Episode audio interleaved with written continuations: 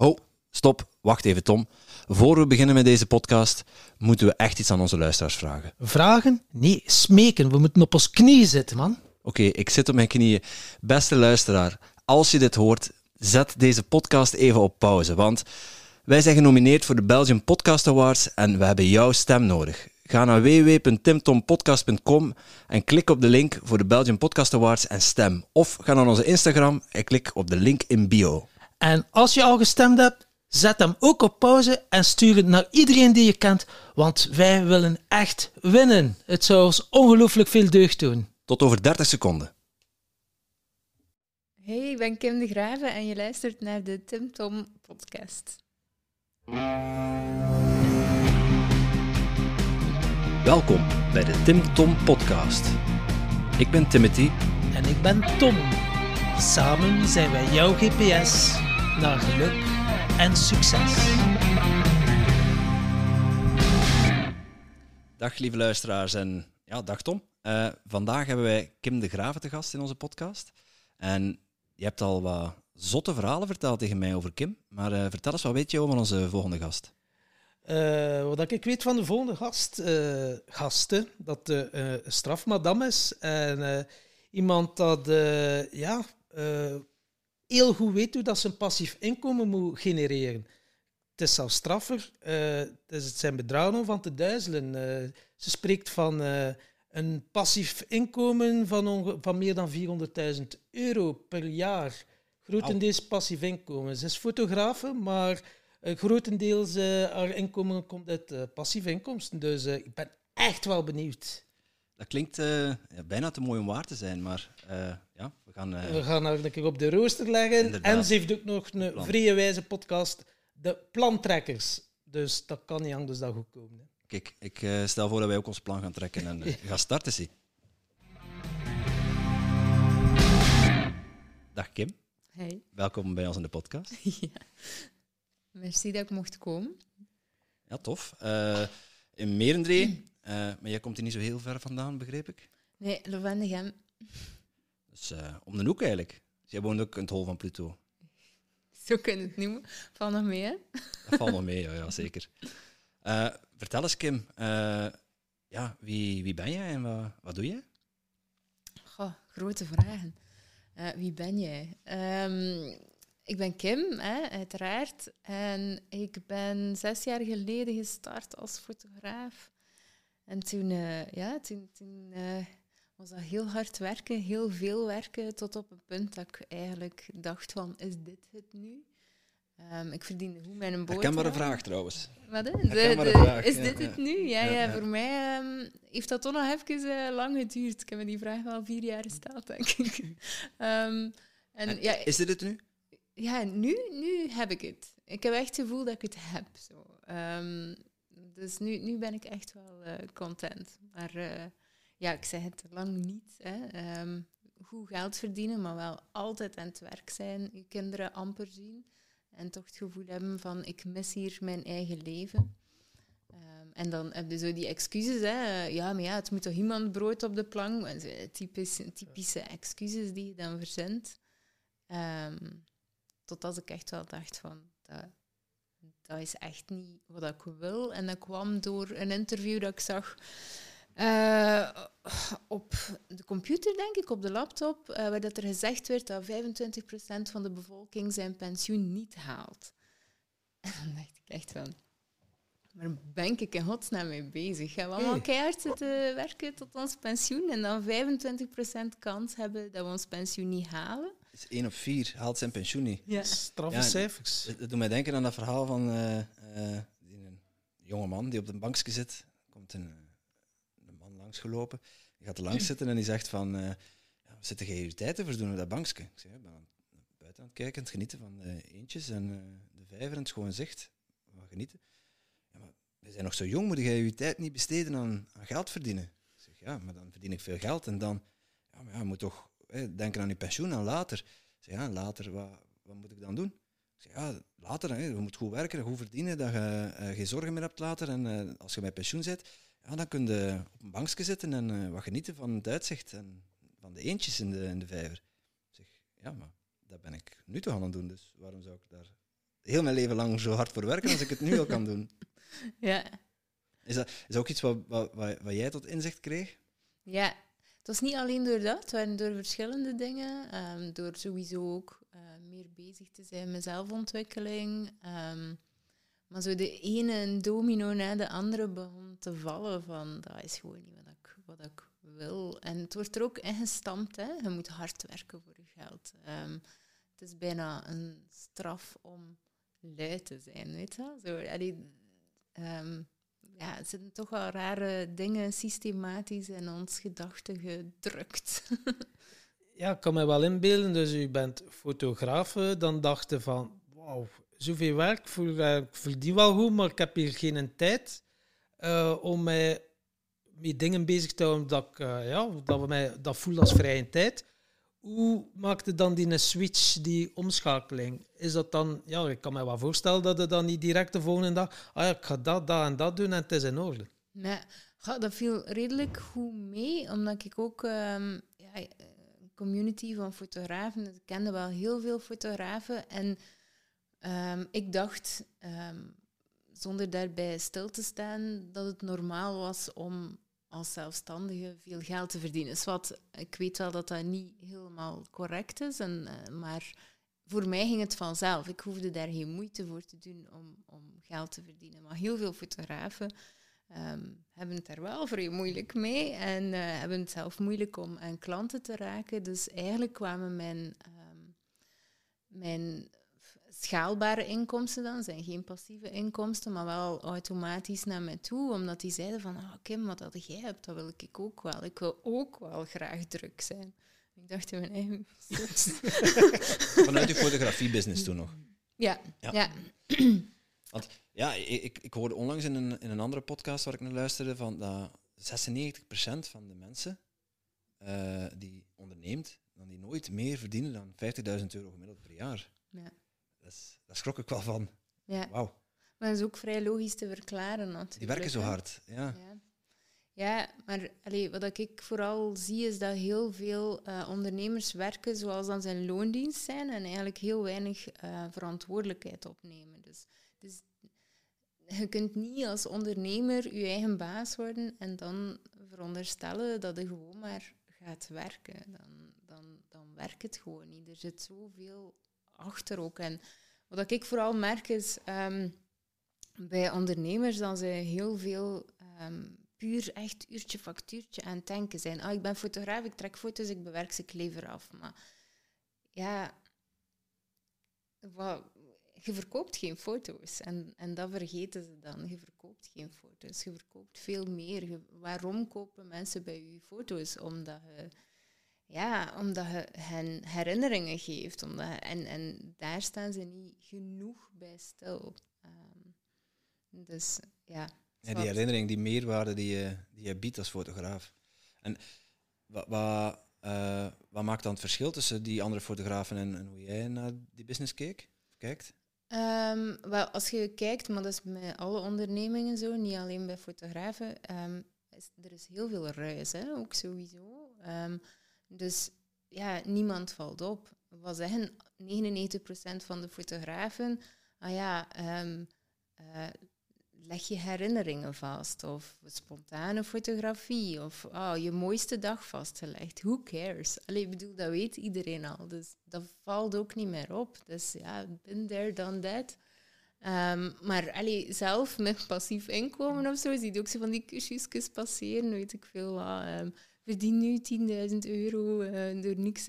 Mensen kennen die, die zinnen al. ehm zijn een keer wat meer echt jezelf in plaats van, ah, al die, die mannen die zeggen dat, ik ga dat ook zeggen. Dan, dan pas ik erbij. Terwijl dat juist interessant is om er helemaal niet bij te passen en heel dicht bij jezelf te blijven. En, en ja, we zitten gewoon in een cultuur, ons ego wil erbij gaan horen.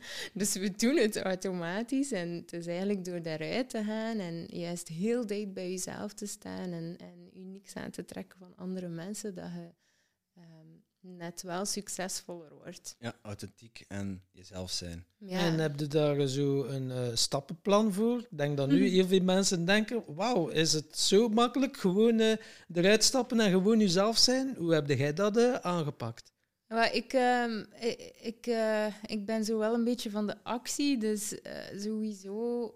ehm ja, uzelf zijn, dat, dat, dat was voor mij niet zo heel moeilijk. dat, dat, dat is iets dat. Ik, ik, ik heb een beetje een aversie van, er, van erbij te willen horen. Ik ben graag ook op mijn eentje. Ik, ehm, ik ben niet een mega groepsmens, ook niet. Ehm, dus dat ging heel vlot. Ehm, maar de actie daarin is ook ik wel vooruit. Dus ik ben ja, constant bezig met groei ook. Ehm, jullie zeggen 1% groei. Ik denk dat dat bij mij 60% groei is of zo. En Iedere dag? 40% fun. Iedere dag 60% groei. Ja, ik heb vanmorgen eh, echt uh, Hans een tijd. eh, ja, ik, ik ehm, zit in een intervisiegroep ook. ehm, dus ik heb van die jaar eh, ongeveer 100.000 euro in eh, zelfontwikkeling eh, geïnvesteerd. 100.000 Je in zit in een betaalde mastermind. Ja, dus nu zit Bij ik wie- in... bij wie volg je nu zit ik bij Simone Levy, eh, maar ik doe echt nog veel andere dingen, dus het is niet alleen dat. Ehm, maar dat was wel de, de grootste hap uit mijn budget dit jaar. Ehm, maar dat begon ooit met een klein, klein bedrag. Met 10.000 euro ben ik ooit begonnen met zelfontwikkeling en dan is het altijd meer geworden. En ehm, dat is voor mij wel echt iets, iets dat vrij belangrijk is. En je krijgt ook gewoon andere perspectieven, dingen die je zo niet bedacht had. En ik heb zelf nu, ik heb nu een cursus opnieuw gedaan die ik vorig jaar al had gedaan. En ik heb daar totaal andere inzichten uitgehaald. Gewoon door, door, door zelf al verder te staan en denkt, ah, maar dat bedoelde die. En Ja, ja, ja. zo, Je kunt dat dus hebben met een boek dat je de tweede keer leest, dat je zegt, ah, oké, ja, Ja, ja, voilà, ja. voilà. Maar zelf bijvoorbeeld het ego. Hè. Laten Ja. we, hoeveel mensen misbegrijpen het ego eigenlijk? Want die zeggen dan, oh, die heeft een serieus ego. Hè. Maar dat klopt zelf niet. We hebben allemaal een ego. Dus, dus, dus heel die... Deal with it. Ja. Ja, en, het is- en we hebben het ook nodig. Hè? Wat zouden we doen zonder ons ego? Ik bedoel, We hebben het keihard nodig. Dus, maar het is zo raar dat mensen zo een misvatting hebben van bepaalde termen zelf. En doordat ze zelf het ego op zich al niet goed begrijpen, wat dat eigenlijk is, hey, alles hangt aan elkaar vast. Maar zelfontwikkeling is de belangrijkste factor van veel geld verdienen. Hoe ga je veel geld verdienen als je het eigenlijk vies vindt? bijvoorbeeld. Mindset, money mindset. Maar ja, ik bedoel, ehm, ja, het is echt grappig soms, want, want sommige mensen zijn dan echt, like bijvoorbeeld mijn vader, die zei het al over laatst, die zei dan van, oh, Kim, we moeten niet over je geld praten, mensen hebben er geen zaken mee. Waarom? Ik bedoel, praat ik toch ook over mijn kat? Waarom mag ik niet over geld praten? Ik snap het gewoon niet. Iets, Ehm, iets, iets vies, iets taboe. Waar, waar ligt aan, denk je? Ja, vooral inderdaad het feit dat we, dat we toch wel opgroeien met, met... Ja, waar komt dat van? Ehm, pas op, ik ben totaal geen expert in eh, money mindset, maar we worden daar ook wel een beetje mee opgekweekt. Hè? Ik ben opgekweekt met het feit dat je moet werken voor je geld. Ik weet niet wat dat jij mee opgekweekt bent. Ik ben opgegroeid op een boerderij, dus eh, dat is dag en nacht werken. Ja, Ja. ja. Ja, hard werken en je gaat er wel komen. niet neuten, niet pleuien. Niet, niet, niet pleuien. Ja. Wij- Ja, bij mij heb ik het ook altijd gezien, ja, een loondienst. En eh, ik heb altijd ambtenaar geweest. Ja, op het einde van de maand altijd hetzelfde inkomen. Ja, soms eh, wordt het wel een keer eh, met een index iets hoger. Ja, maar mij daar ook geen verdere vragen over gesteld. Oké, ik heb lange tijd tevreden geweest. Ik wist op het einde van de maand dat heb ik. Tot wanneer, ja, ik had geen voldoening van dat werk. En dat ik dacht van, ja, ik wil iets anders doen. Dan zeiden ze, je gaat toch niet, hé ambtenaar, weet jij niet, je gaat dus gewoon pensioen hebben ze later. Dus dat was dan de gouden kooi dat ik dacht van, dan op mijn 40 of, of 42 dacht van, nee, ik wil, hier, ik wil hieruit, ik wil hieruit. Maar ja, dan is het inderdaad wel, eh, iedereen raadt het u af, dus eh, ook aan de luisteraars een tip, als je zoiets doet, vraag nooit advies aan vrienden of familie, want dan gaat het niet doen. Maar laat u omringen door experten die die een stap al hebben gezet, uiteindelijk. En, eh, maar nu merk ik ook wel dat stukje money mindset, het is in stappen dat dat gaat. Want je kunt niet direct zeggen, yes, nu ga ik eens een keer op die manier denken. Ja. Eh, wat tips kan jij zo geven om dat, eh, die money mindset, is dat enkel trainen of, of hoe moet ik dat zien? Ja, ik denk dat, dat ja, bijvoorbeeld, ik eh, had heel veel. Mijn money mindset zat al goed, maar toch vond ik het vrij leuk om, om het boek eh, You're a Badass at Making Money eh, te lezen. Echt een fantastisch boek. Maar ook omdat je gewoon het woord geld kunt vervangen met alles wat, wat je maar met blokkades van zit en, en dat het daarmee ook kunt wegwerken. Dus dat vind ik echt super. Ook gewoon nadenken over wat dat er uit je mond komt. Als je zegt van dat is duur, dat is duur, ja, dan ga je het automatisch duur vinden. En ehm, als je altijd zegt van oh ja, ik kan niet meer dan 10.000 euro verdienen, waarom zou je dan meer dan 10.000 euro verdienen? En zeg het eigenlijk zelf al dat je het niet gaat doen. En dan, als ik dat zeg, dan zeggen mensen altijd, ah ja, maar het is goed, hè. Hier, eh, geef mij, ik geef mij maar 10.000 euro, ik ga van de maand 10.000 euro verdienen, maar zo werkt het niet, want we hebben nog altijd ons onderbewustzijn en ons bewustzijn. En het is dat onderbewustzijn dat je moet trainen door echt constant op te letten wat dat doet en wat dat zegt. En, en, en ja, ik heb bijvoorbeeld, is iets helemaal anders, maar toch is het hetzelfde. Ik heb vrij lang gezegd dat ik niet kan netwerken. Ik kan dat niet. Dat is niks voor mij. Ja, tuurlijk kan ik niet netwerken als ik niet zeg dat ik niet kan netwerken. Um, maar het ding was door daar eigenlijk bewust mee om te gaan en na te denken van ja, waarom kan ik dat niet? Ja, eigenlijk omdat ik ook wel graag alleen ben en dat ik niet altijd in groep wil zijn. Dus um, dat is niet erg. En dan eigenlijk gewoon beginnen zoeken naar mensen die wel bij mij passen. En dan merk ik dat ik eigenlijk wel graag netwerk, maar op mijn termen. Dus denk gewoon na over hoe, hoe hard dat je zelf koeioneert door bepaalde dingen te zeggen. Dus het is allemaal een beetje die perceptie en een keer luisteren wat dat je tegen jezelf zegt. Ja. Uiteindelijk, daar begint het mee. Als je dan toch een tip moet geven aan de luisteraar, ja, neem jezelf een keer op of je gedachten of schrijf ze op.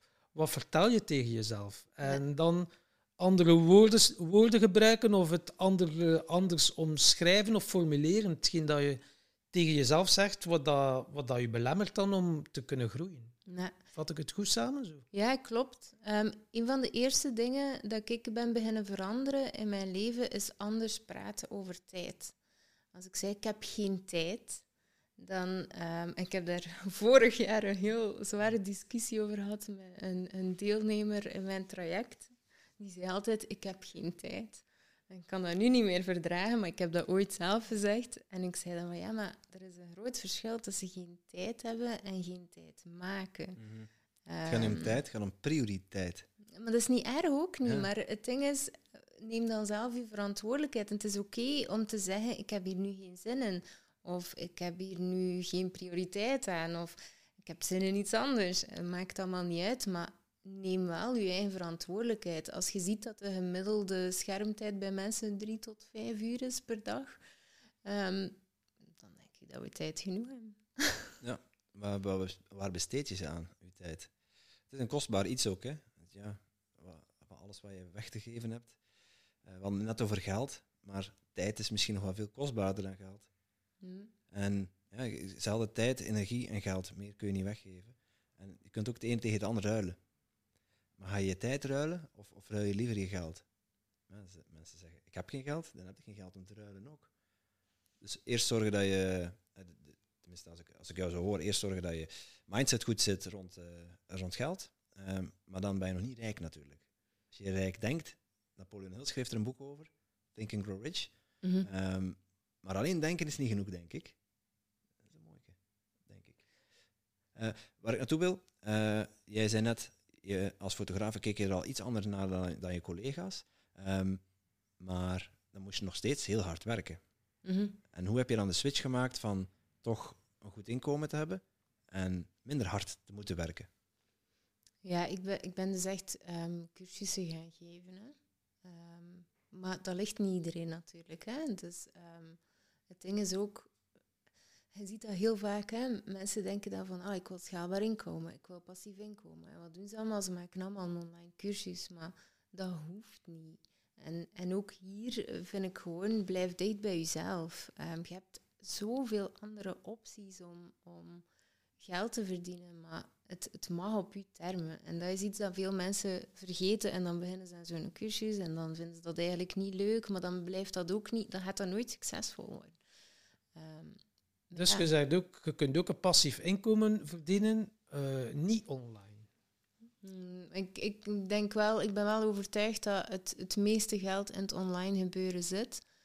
En ja, dat is, dat is ook gewoon logisch ook. Ehm, ja, ondanks dat mensen dat niet beseffen, ehm, en ik, dat is misschien een moeilijke om uit te leggen, maar ehm, ik probeer het altijd te vergelijken met bijvoorbeeld, ik deel het, ik deel het, ehm, het verdienen van geld op in drie stukken. Dus je hebt, ehm, en, en dat is zonder mensen te willen schofferen of eender wat, maar je hebt bijvoorbeeld de groep mensen die misbaar zijn ehm, en die niet per se een diploma nodig hebben of eh, veel geschoold moeten zijn en zo verder. Dan hebben we het over eh, mensen die in de supermarkt werken. Ik zeg het, ik heb zelf tien jaar in de supermarkt gewerkt. Het is echt totaal niet eh, dat ik daar iets mee bedoel, maar je zei het wel eh, misbaar.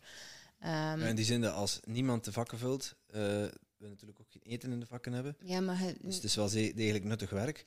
maar zeker. Als jij het niet doet, is er wel iemand anders die klaar staat om jouw plek in te nemen. Ja, zeker. Plus, ik zeg het, hè, je hebt geen diploma nodig, je bent vervangbaar en ehm, ja, je zit ook met, met je zit wel met een, een ja, je zit in een winkel, dus het is niet ongelimiteerd dat je ehm, kunt gaan verkopen, bijvoorbeeld. Dan heb je de groep die iets meer verdient, en dat zijn de mensen die gestudeerd hebben, dokters, eh, chirurgen en zo verder. Ehm, die hebben meer, iets meer, die hebben meer gestudeerd.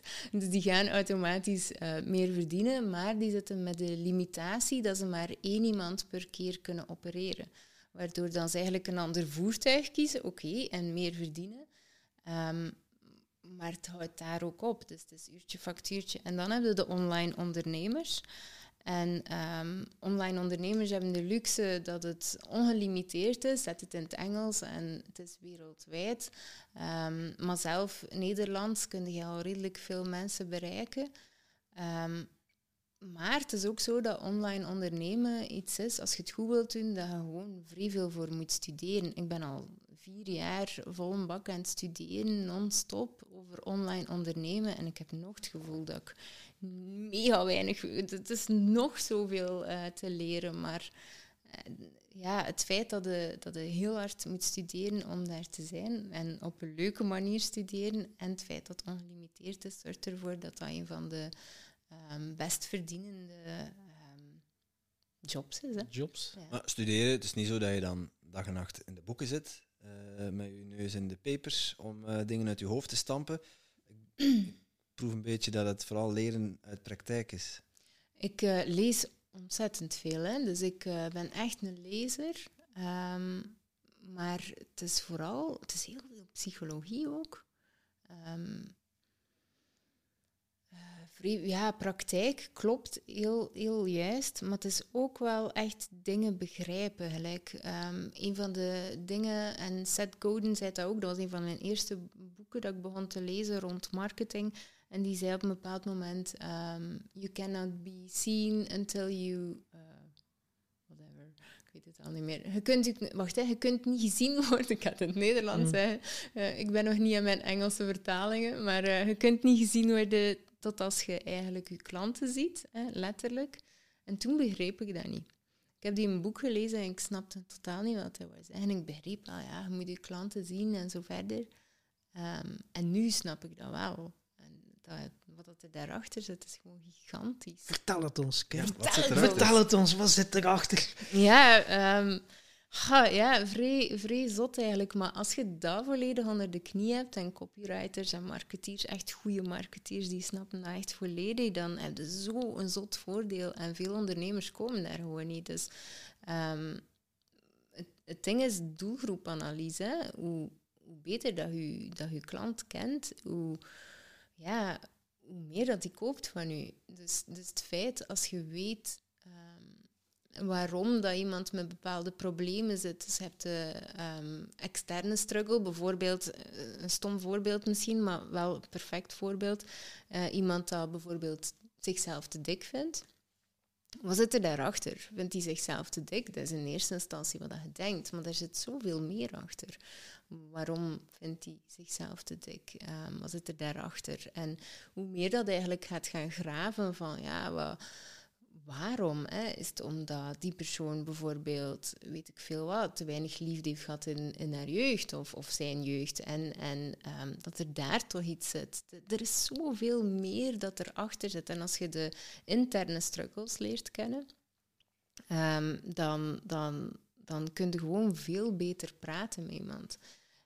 Um, dus dat, ja, dat is zo zot ook gewoon. Dus doelgroepanalyse, uh, ik wil jou zeggen, uh, dus in verstopte woorden, kies een hele specifieke doelgroep waar je je toe wil richten en ga op zoek naar waar die mensen mee struggelen in hun hoofd. En je noemt net het voorbeeld van uh, mensen die te dik zijn. Ja. Maar ja, leer je klanten, klanten kennen. Leer je klanten kennen.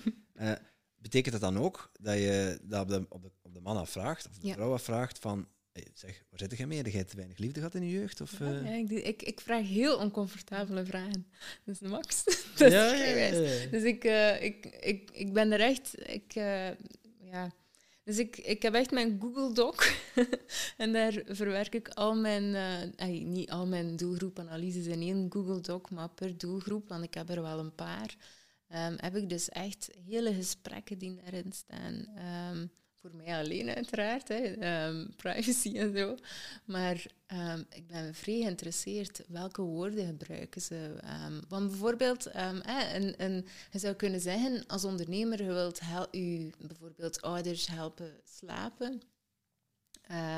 die, die met een klein kindje zitten en je zegt van ah, een goede nachtrust. Maar die mensen willen inderdaad niet per se een goede nachtrust. Die willen veel meer. En als je eigenlijk kunt, kunt um, in gesprek gaan van, van wat wilde nu eigenlijk echt? En, en leert praten over, ja, veel dieper leert praten, zodat je met mensen echt kunt connecten, dan um, krijg je totaal andere, totaal andere gesprekken. Maar dat is een gigantisch moeilijk onderwerp ook, hè, voor, voor daar dieper op in te gaan en de juiste vragen stellen ook. Um, ja, begint eerst al een beetje, is er wederzijds vertrouwen, vooraleer dat je dan de diepte kunt ingaan. Ja. Denk ik dan ook wel. Uh. Ja.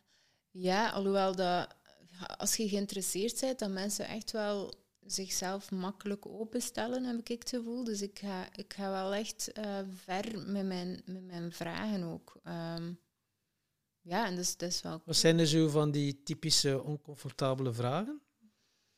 Um, ik, wacht, hè, ik heb over laatst gehad. Ik kan er nu niet op komen. Dat is echt wel vrij grappig. Um, ah, een, ding, een dingetje bij fotografen is dat als ze, als ze een heel goedkope fotograaf zien, dat die zo mega kwaad worden, zo gelijk. Um, dus pak nu hè, dan een fotograaf om de hoek 50 euro voor een fotosessie vraagt, dan worden die echt best nijdig. Dan hebben die het gevoel dat die fotograaf... Ja. ja, dat die fotograaf ervoor zorgt dat zij het niet goed doen.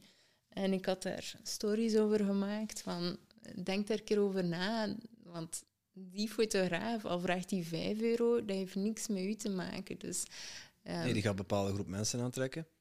En jij gaat een bepaalde groep mensen aantrekken. Ja. Maar dat hoeft niet dezelfde, dezelfde persoon te zijn. Dat kan wel, maar dat hoeft niet. Ja, maar het grappige was dat er heel veel fotografen dan op mijn stories... Wow, wat zeg je nu? En de wel. En ik zo... Ja, waarom? dat is echt een zalige vraag. Ja, waarom is de max? Ik ben, dat is mijn lievelingswoord. Um, en dan merkt ook van, ja, omdat die de markt verpesten. En dan zeg ik zo, ja, maar jij weet toch, want ik fotografeer niet zoveel meer, maar ik fotografeer wel. Maar voor een uur fotosessie bij mij betaalde 1000 euro. En ik heb mega veel klanten op de wachtlijst. Ik boek die alleen maar in als ik zin heb om een fotosessie te plannen. Um, dus, dus dat was zo, ja, waarom denkt u dan dat ik dat kan? Want dat is toch een beetje gek, hè? Ik heb ik geen last van die van 50 euro, dus hoe komt dat dan? Ja, ja, ja, ga, ik weet niet, ik weet niet. En dan begint het zo. En ik vroeg, ja, zou het misschien kunnen dat, dat je het gevoel hebt dat ze... Um, dat ze succes wegnemen van, van u. Hè. Dat doordat zij die klanten boeken, dat, dat jij die niet hebt. Want jaloers. Ja. Zou het kunnen dat het een beetje reflectie is? Ja, en dan, dan komen er heel mooie gesprekken uit. Want die persoon die begon dan wel van, oh, ik had het nog nooit zo bekeken. En, dat is het ook. Ik, ik ga die persoon ook totaal niet... ehm dat is niet... Nee, ja. het is ook niet voor zo, ik heb gelijk en jij niet, want daar gaat het zelf niet over. Het gaat over het feit dat je tot heel mooie gesprekken komt. Maar het feit dat ik dat gesprek heb, weet ik eigenlijk letterlijk wat dat fotografen die mijn traject nodig hebben, denken. dus ik kan dat dan weer gebruiken op mijn salespagina, in mijn webinars en zo verder. Ehm, wat dat super is, want dan kan ik ze ook echt veel beter helpen. Hoe meer dat ik hen trigger om mijn eh, trajecten te, te kopen, deel te nemen, hoe meer dan ze kunnen geholpen worden. Dus ik vind dat de max op die manier. Het is eigenlijk ja, die, die pijnpunten waar dan ze tegenaan lopen, triggeren uiteindelijk. Ja, maar ze weten het vaak ook zelf niet. Meestal weten klanten zelf niet eens wat dan ze nodig hebben. Dat is, dat is echt zot. Ah, Maar als je dan weet wat, wat die klant mee zit, eh, hoe gebruik je dat dan eh, vervolgens in je, ehm, in je online marketing? Want Ja. eh, je, je zegt van ik wil weten wat voor woorden ze gebruiken, maar je gaat niet, je gaat niet in, je, in je marketingberichten zeggen van hey, heb jij ook eh, tekort aan liefde gehad in je jeugd? Klik Ja. hier. Ja, maar hij doet het anders, hè? bijvoorbeeld met de fotograaf, hè, want daar heb ik dan zelf de, de ervaring mee. Heb ik nu een driedaagse training lopen, ben je echt duur. Omdat die persoon zit met die trigger van, ah, ben, ben ik echt te duur? Ben, willen ze mij niet boeken omdat mensen mij te duur vinden? En op de pagina staat er inderdaad van, ehm, eh, herken je deze drie dingen? Hè? Ehm, merk je ook op dat als eh, de fotograaf om de hoek 50 euro vraagt, dat dat frustraties bij je opwekt? Ehm, en dan hebben ze eigenlijk een driedaagse training waar dat eigenlijk heel die mindsetblokkade wordt behandeld en, en dat, eigenlijk er, hey, dat ze eigenlijk al, al er veel beter voelen van hey, het, is, het is wel oké. Dus echt wel eens u drie vragen stellen dan ze dan eigenlijk ja op zeggen. Ja, Ergens, eh, mijn doelgroep. Hè? Ja, als ze daar niet op zijn, dan, ja, moeten ja, mijn traject tuurlijk, niet doen tuurlijk, natuurlijk. Maar inderdaad, maar ehm, ik ben het langst bezig met doelgroepanalyse. En je hebt soms inderdaad mensen die zo'n salespagina schrijven op een paar uur. Ik ben er makkelijk drie weken mee bezig. Ehm, ja, ja. Ja, dat is wel heel interessant. Ja, hoe beter dat, je hoort dat veel, hè, hoe beter dat je een doelgroep kent, hoe gerichter dat je ook kunt eh, met die mensen in contact komen. Ja, maar het is ook... Veel mensen denken dan dat dat gaat over de slacht en de leeftijd en weet ik veel wat. En dan... En dan Ik kan mensen uitsluiten en... Bedoel je dat? maar, Want- ja, maar, maar ik, maar- ik, ik kan iedereen helpen met mijn product, dus eh, ik wil mij niet richten tot alleen maar vrouwen van 40. Ja, maar het is ook, eh, ja, dat is dan weer ruis. Hè? Dus, dus als iedereen probeert aan te spreken, valt er niemand op. Ehm, maar dus echt specifieke eh, triggers, specifieke woorden die zij ook gebruiken. Ehm, want ja, ik, ik leid fotografen op, maar ik heb ook cursussen voor ouders die hun kinderen beter eh, willen fotograferen. En een van de dingen die in mijn doelgroepanalyses vrij veel terugkwam, was dat ze kinderen proberen omkopen met lollies en koeken om een keer te lachen op de foto. En dan ehm, heb ik dat ook gebruikt in mijn, in mijn marketing. En ja, ik bedoel, alleen de mensen die dat herkennen gaan daarop instappen, maar dat is goed. En ja, ik heb soms eh, dis- geen discussies, maar er zijn soms eh, collega's van mij die zeggen, van vrouwelijke collega's, die zeggen, ja, dat lukt mij niet voor mannen in mijn online cursussen te krijgen. Ja, tuurlijk niet.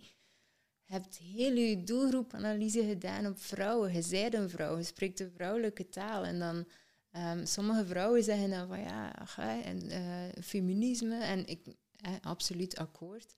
Maar als je in een vrouwelijke taal spreekt, dan ga je geen mannen aantrekken. Mannen spreken over totaal andere dingen. Ik trek ook heel moeilijk mannen aan. Eh, ik- ja, als ik natuurlijk spreek over lollies en koeken, ik weet niet, een man gaat helemaal anders denken over dat soort fotografie natuurlijk dan... Ja, bedoel, ja, dus, dus dat is ook normaal. eh.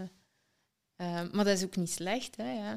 Zou ik nu kunnen zeggen van ja, ik ga een doelgroepanalyse doen met mannen, maar hoeveel energie heb je daar dan voor? Dat gaat gewoon veel moeilijker, dus dan sluit ik gewoon die doelgroep uit. Ik vind het leuk als er een paar mannen in zitten, maar het is gewoon veel moeilijker voor mij om in hun hoofd te kruipen. En we, ook iemand die zei van, ja, hoe vind je een ideale klant? Dat is heel simpel.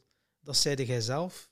Een Daar ben ik ideale niet mee klant. akkoord. Daar zijn je niet mee akkoord. Dat ik ze zeggen van, alles waar dat jij tegenaan loopt en struggelt, ja, daar, eh, dat is het simpelste. Maar Mhm. daar ben je niet mee akkoord. Ik ben wel Ik benieuwd. ben echt niet mijn ideale klant, nee.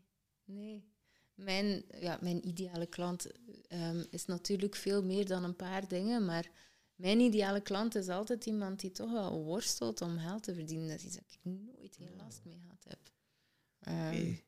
dus, En over geld, eh, hoe, zet- hoe is uw prijsanalyse? Hoe zette jij de prijs? Want ja, ik hoor je dus 1000 euro voor een uurtje. ja. Dat is eh, niet slecht betaald, denk ik dan met mezelf. Eh, hoe kom je daarbij? Ja. Eh, Heb je nog een uur of zes? ja hoor, zeker. Er was nog acht uur podcast op onze SD-kaart. Ah, Dus, ja, eh, ja. oké.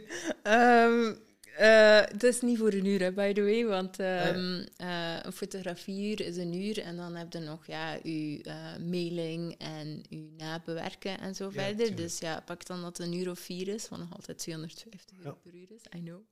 Ehm, ja, op ehm, vraag en aanbod is één ervan. Ehm, ja, ik, ik heb het gezegd, ik heb een wachtlijst, dus, dus ik...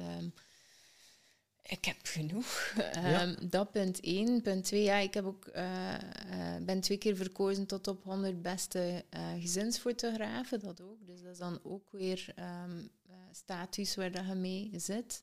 Ehm, ja, ervaring, dus de prijs, waarom dat die, die prijs is, is dat. Plus, ehm, ik verkoop heel ehm, hard op waarde. Dus niet op, op basis van geld. En als mensen... Ik zeg echt niet dat ik de beste fotograaf ben of eender wat. Er zijn fotografen die honderd keer beter zijn dan ik.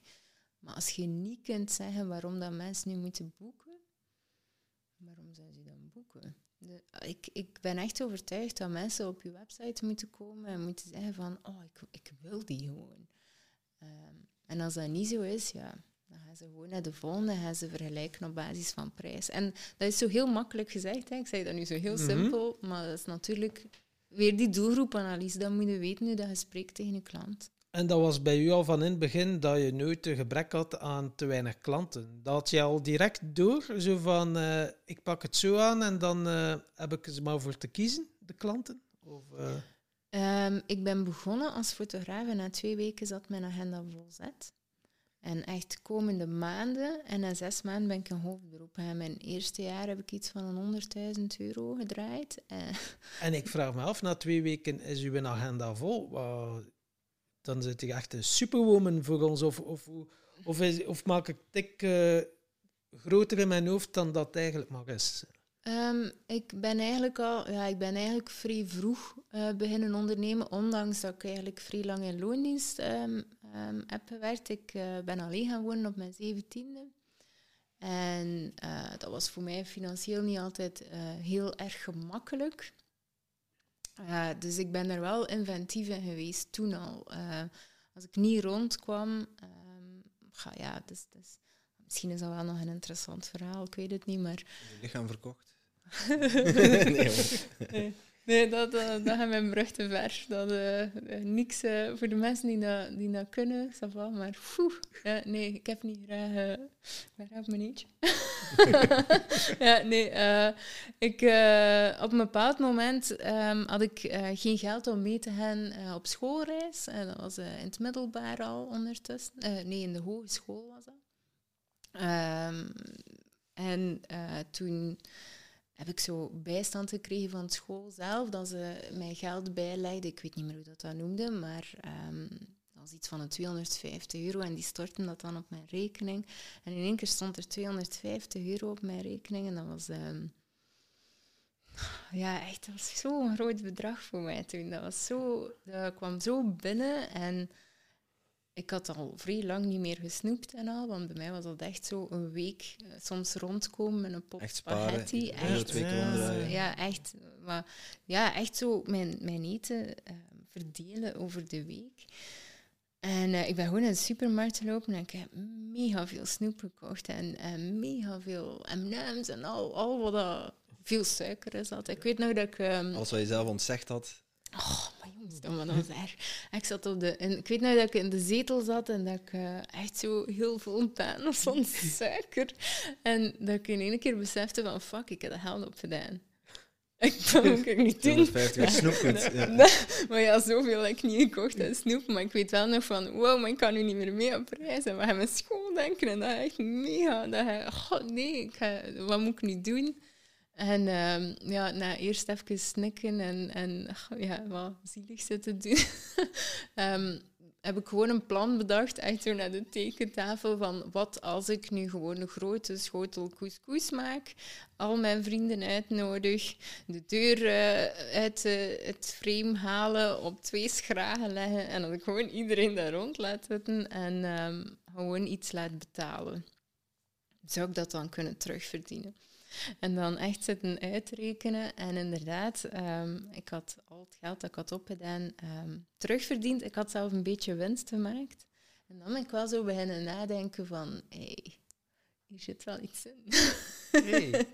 ja, en dan ehm, ben ik wel vaker zo dingen beginnen doen eh, om toch... Ja, ik werkte ook wel in loondienst en zo, dus is daar niet van. Maar dat was ook allemaal niet zo, niet zo makkelijk. Want dat was s s'avonds werken, overdag naar school gaan. Dat was echt wel een, een, eh, een, een lastige periode. Maar dat heeft mij wel anders naar geld laten kijken.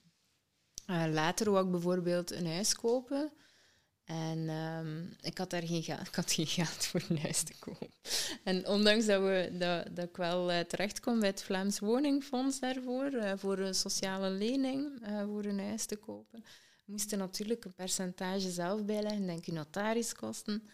En ehm, ik, ik heb toen alles wat ik had verkocht, maar echt alles. Ehm, zo echt kussentje in de living gaan zitten. Dat is veel jaren later, hè. dat was tien jaar later, maar zo...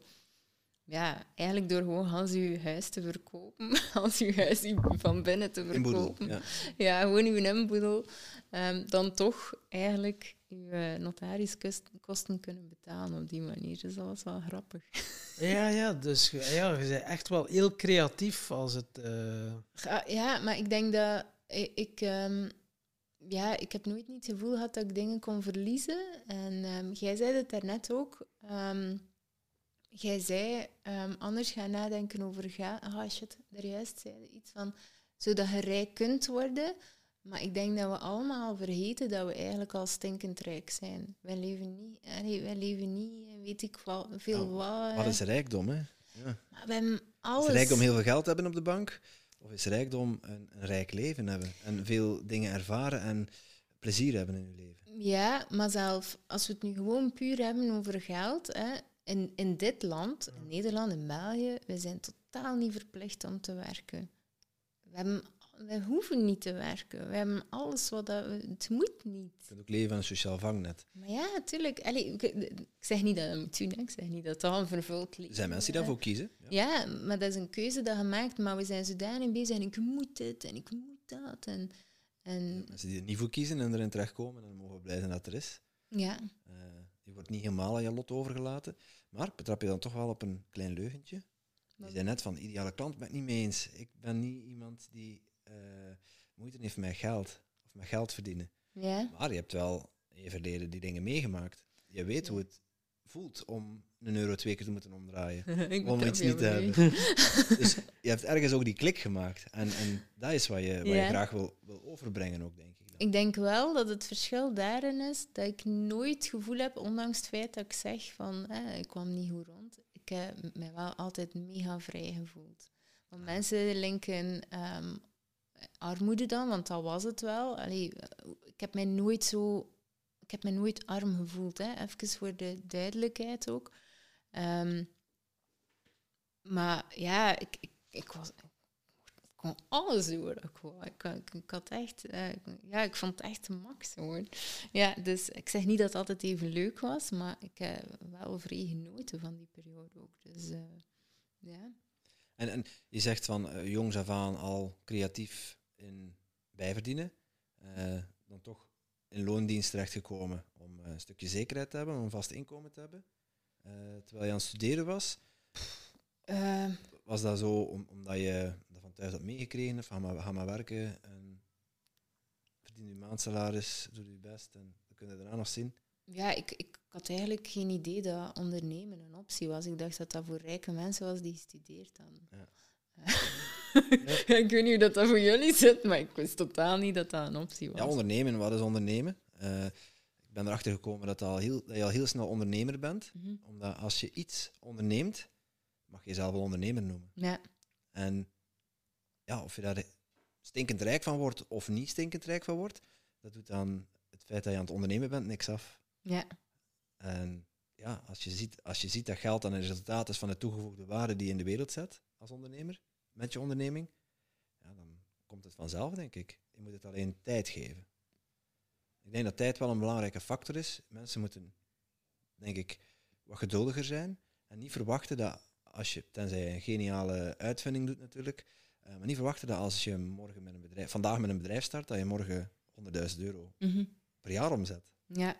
Dus is, is eigenlijk wel een, een mooie wat je zegt, want, want ehm, wat ik heel vaak zie, met de reden waarom dat heel vaak online ondernemers, laten we het daarover hebben, eh, maar eigenlijk ook toekoer ondernemers, ehm, volgens mij ook eh, niet geraken aan dat budget dat ze graag willen verdienen, is omdat ze ehm, niet de tijd nemen of het geduld nemen om ehm, de klant te laten kopen op zijn voorwaarden. Want ondernemers denken zo, ja, ik heb nu geld nodig, dus jij moet nu kopen. En dan beginnen ze een beetje te pushen. Maar ja, er zijn 101 redenen waarom dat Marie vandaag niet koopt. En één van die redenen heeft ze uiteindelijk beslist van, hè, ik koop niet. Maar als je de tijd neemt om met Marie te blijven praten... Marie en- koopt nog. Wat, hè? Ja, Marie koopt niet of Marie koopt nog niet. Ja, voilà. Marie koopt nog niet. Maar als je blijft babbelen met Marie en, eh, en, je, en je blijft gewoon babbelen, dat connectie is op verschillende manieren. Hè. Je moet dan niet per se babbelen, maar ehm, als je blijft waarde leveren en mensen denken dan, ah, ik moet informatie geven, maar waarde kan ook zijn van hoe doe die persoon voelen of zo verder. Ehm, ja, dan is de kans groot, niet groot, hè, dat Marie nog koopt, maar door eigenlijk ehm, iedereen 100% te bedienen, waarde te geven, ehm, denk ik, en dat doe ik wel vrij hard ook, eh, zonder ervan uit te gaan van die moet kopen, want anders geef ik die persoon geen waarde, dan denk ik dat die, ja, dat die uiteindelijk wel komt. En eigenlijk is dat zelf niet waar. Is het niet zoiets dat maar 10% uiteindelijk bij je koopt? Eh ligt eraan wat je aanbiedt natuurlijk. Ja, ja, ja. Dan misschien wat meer. Eh, dus dat is, dat is heel erg afhankelijk. Eh, maar ja, het is, het is wel zo dat als je een, eh, een lijst hebt met potentiële klanten, dat niet 100% van jouw niet, hè. Maar ja. potentiële klanten uiteindelijk ook bij jou gaan kopen. ja.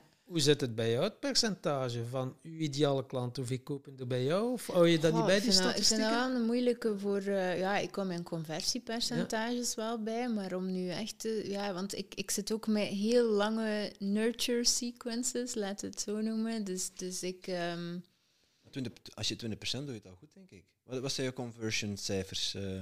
Maar bedoel je dan op mijn website? Of bedoel Ja, als je ehm, van, van, hè, van eh, die, al die potentiële klanten die je dan aanspreekt, Mhm. met, je, met je marketingberichten, met je Ja. advertenties, hoeveel daarvan haal je dan binnen als klant? Het is dat ik een vrij moeilijke vind voor op te antwoorden, omdat, ja, ehm, ja vind- dat vind ik wel echt een moeilijke voor op te antwoorden. Ik weet wel bijvoorbeeld op mijn website, op mijn, op mijn salespagina zit ik rond de 2%. Dus van elke bezoeker die op mijn website komt, ongeveer 2%. Van de 100 bezoekers zijn er twee die Ja. dan uiteindelijk iets kopen. Ja. Kijk, Dat dat, is dat, tegen, is al een eye-opener, hè? dat is iets anders dan 20. Hè? Ja, ja, Dus- nee, maar dus je ja, moet al, je moet al gigantisch, 20 gezegd. ja, je- maar je moet al gigantische Ja. traffic genereren eigenlijk om die 2% te halen.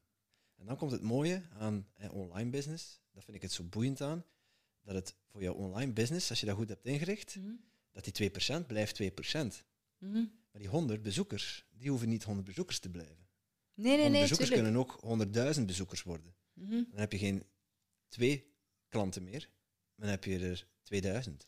Ja, ja, ik, ja, ik snap het. Hè. Ik, ik ben echt volledig mee, maar ik probeer niet op altijd maar meer. Want het, ding is, en dat zie ik dan bij, bij ondernemers, dan zitten ze zo, ah, maar ik heb gewoon meer eh, websitebezoekers nodig. Meer, meer, meer. Maar het is niet omdat je meer, meer, meer, dat, dat die conversie ook mee omhoog gaat. Dus wat ga je doen om die 100 mensen nu al te bedienen, ondanks het feit dat ze... Want 100 mensen, stik dat keer in een kamer, dat is gigantisch veel. Dus ik, ik heb liever dat die 100 mensen dan iets, eh, een e-book of zo, gelijk dat hij een doeboek zegt, hè, ehm, eh, nemen en dat ze dan eigenlijk op mijn, op mijn, in mijn funnels terechtkomen en dat ik ze eigenlijk waarde kan blijven bieden, waardoor ehm, dat ze uiteindelijk misschien wel mijn klant worden. Als dat dan 10% is, zou schoon zijn. Ehm, maar hè, dat weet ik dus nog niet. Uh, nog een mooi woord, uh, want ik hoor uh, het woord funnel. sommige mensen vinden het een vies woord, sommige mensen weten niet wat het betekent. Ja. Maar voor jou betekent het heel veel. Ja, ik, ik vind funnels de max. wat maakt funnels, funnels, wat is het? En wat maakt het zo spannend, Kim? Ja, oké, he heel technisch dan. Um, zijn, kort, hè? Ja, is heel nou kort. technisch. Technisch is niet, zo, is niet interessant, hè. maar gewoon eigenlijk een, een reeks e-mails naar elkaar. Ja, dat, eh, dat is eigenlijk een funnel, maar dan wel ehm, geautomatiseerd met bepaalde stukken tussen. nu zit ik al in de warme moment en ik zie het. Ja. wat, maar eigenlijk een funnel, e-mail, eh, e-mails achter elkaar, maar wel in je achterhoofd ehm, dat je het doet voor je klant en niet voor jezelf. Ja, dus eigenlijk een trechter. Ja, mensen, een mensen trechter. downloaden iets of klikken ergens op eh, wat Ja. jij aanbiedt of, of wat jij promoot. Mhm. En dan komen ze in een funnel terecht en dan krijgen ze een aantal e-mailtjes van jou. Maar die e-mails zijn dan opgebouwd met een bepaald doel. Ja. Namelijk die klant verder helpen en niet spreken over jezelf. Mhm. Dat, is, dat is wat je zegt, hè? Eh, ik spreek wel vrij veel aan de hand van storytelling, dus dat wel, omdat ja, dat is ook weer hè, doelgroepanalyse. Ja. Mensen schrijven in, meestal omdat ze willen staan waar dat jij staat, maar niet weten hoe dan. Ehm, dus ja, dan hebben ze dat wel inderdaad nodig. Oké, we, Ehm, we hebben een funnel nodig, eh, Kim. Hoe dan? Hoe dan? ja, oké. Eh, wacht hoor, ik ben helemaal uit mijn melk nu. Hoe beginnen we daaraan? Ehm, dus eh, ik, ik denk eerst en vooral, hè, wat dat de grootste fout is met funnels, is dat er constant gepraat wordt over koop nu dit. En of nu is het moederdag. Of nu is het vaderdag en koop nu dit. En dat, dat, dat, dat. Maar eh, in, in plaats van uw klanten te gaan zien als eh, walking cash, eigenlijk, kunnen we misschien echt omgekeerd gaan denken en gewoon denken, hoe kan ik die persoon elke mail zo goed mogelijk helpen zonder eh, per se met mezelf bezig te zijn. En dat doe ik dan wel. Dus ehm, ze hebben ingeschreven op een bepaald topic. En je weet al dat ik mijn doelgroepanalyse vrij goed doe. Dus ik weet letterlijk al wat die persoon zijn probleem is als die inschrijft via dat e-book bijvoorbeeld. Ehm, die blijft dus indien een trechter. Het is niet dat ik er van alle doelgroepen ga insteken. En dan... ehm, en, en dan, beetje bij beetje, hè, ja, komt er wel een aanbod, maar toch echt altijd op, op hun termen. Dus eigenlijk ga je inzoomen op de mogelijke resultaten die je voor hun kunt betekenen. Ja, de konijntjes zijn aan het drinken. Ja. Schattig. Ehm, ik weet niet of het te horen is trouwens. Op de, de- Ja. Ehm, we hadden het over funnels. Ehm, dus er staat er eentje trouwens tegen de muur. Een funnel. Dat is een andere Het funnel. is een Ja. tunnel, jongen. We zien hem Dat met is een gaten. tunnel. hè. Zie je. Eh, maar je, je- ja, je, je geeft toegevoegde waarde. Je helpt mensen effectief verder. Ze hebben jouw eh, product gedownload, eh, eventueel gratis betaald, dan niet, al dan niet. En dan krijgen ze een aantal mailtjes van jou, waarin jij ze weer verder helpt om nog verder te ontwikkelen, nog verder door te prikken op Mhm. daar waar zij tegenaan lopen. Ja. En dan heb je ze op een bepaald punt in je funnel zitten. Hoeveel, hoe ziet een goede funnel eruit? Vijf mailtjes, tien mailtjes, twintig? Goh, dat is zo afhankelijk eh, voor iedereen. Ehm, mijn eh, funnel tot nu toe loopt een jaar door, maar je blijft dat ook gewoon optimaliseren. Dus het is niet zo... eh, Jaar iedere dag? Zo, ja, ik- ja, sommigen doen dat. Hè. Ik, ik heb vandaag nog een marketeer, een Belgisch, een Nederlandse, sorry, marketeer gebeld. Echt om de twee dagen mails, mails, mails. Maar dat zou ik zelf niet zo tof vinden. Elke twee dagen mails. Zelf al zou dat mega toegevoegde waarde zijn, bij mij zou dat niet zo lang duren. Dus bij mij is het elke week. Eh, vroeger was het om de 14 dagen, maar dat merkte dat, ey, voor mij, mijn doelpubliek, is dat te lang. Dat is te lang tussen. Dus Ja. voor jou is de ideale situatie een week. En doe je dan altijd op hetzelfde tijdstip? Hetzelfde Ja. moment? Ja, Er staat altijd, gewoon eh, ingepland voor een jaar. Je hebt 52 mailtjes klaarstaan. En je Ja, weet, als toe. klant, als een potentiële klant dat product downloadt, komt hij in, in mijn funnel. Die krijgt 52 mailtjes. Ja. En, en eh, ja, hoe zet je die dan om als klant als je zegt van ja, ik ga mijn product niet aanbieden? Ja, ik, ik vind het zelf heel moeilijk om ehm, aan de hand van e-mails alleen te verkopen. Dus bij mij zit daar altijd wel nog podcast achter, eh, webinars achter. Dus ja, mensen krijgen dan een mail en dan bespreek ik een bepaald, eh, bepaalde problematiek. En dan is er van, ah, in het webinar hebben we het erover. En dan ehm, schrijven ze in op het webinar. En dan is het inderdaad zo dat... Webinar vind ik zo waardevol, omdat je ehm, heel veel connectie krijgt met je klanten, maar ook ehm, echt veel meer ruimte hebt om, om iets te vertellen. Ik ben makkelijk twee uur bezig in een webinar. Dan dat is toch een andere connectie dat je creëert dan social media of, ehm, ja, of, of, of zelf mails of zelf podcast, omdat wij zijn wel in dialoog. ehm, maar de klant luistert er zo van een afstandje naar, terwijl dan kan hij echt wel al ehm participaten, kan niet Ja. op het Nederlands woord Ja. komen. mee de- deelnemen. Hè? Deelnemen. En eh, ja, je webinar heeft dan ook een bepaalde structuur. Dan gaat je ook op het einde pitchen of zo. Ik pitch altijd eh, op het einde, altijd.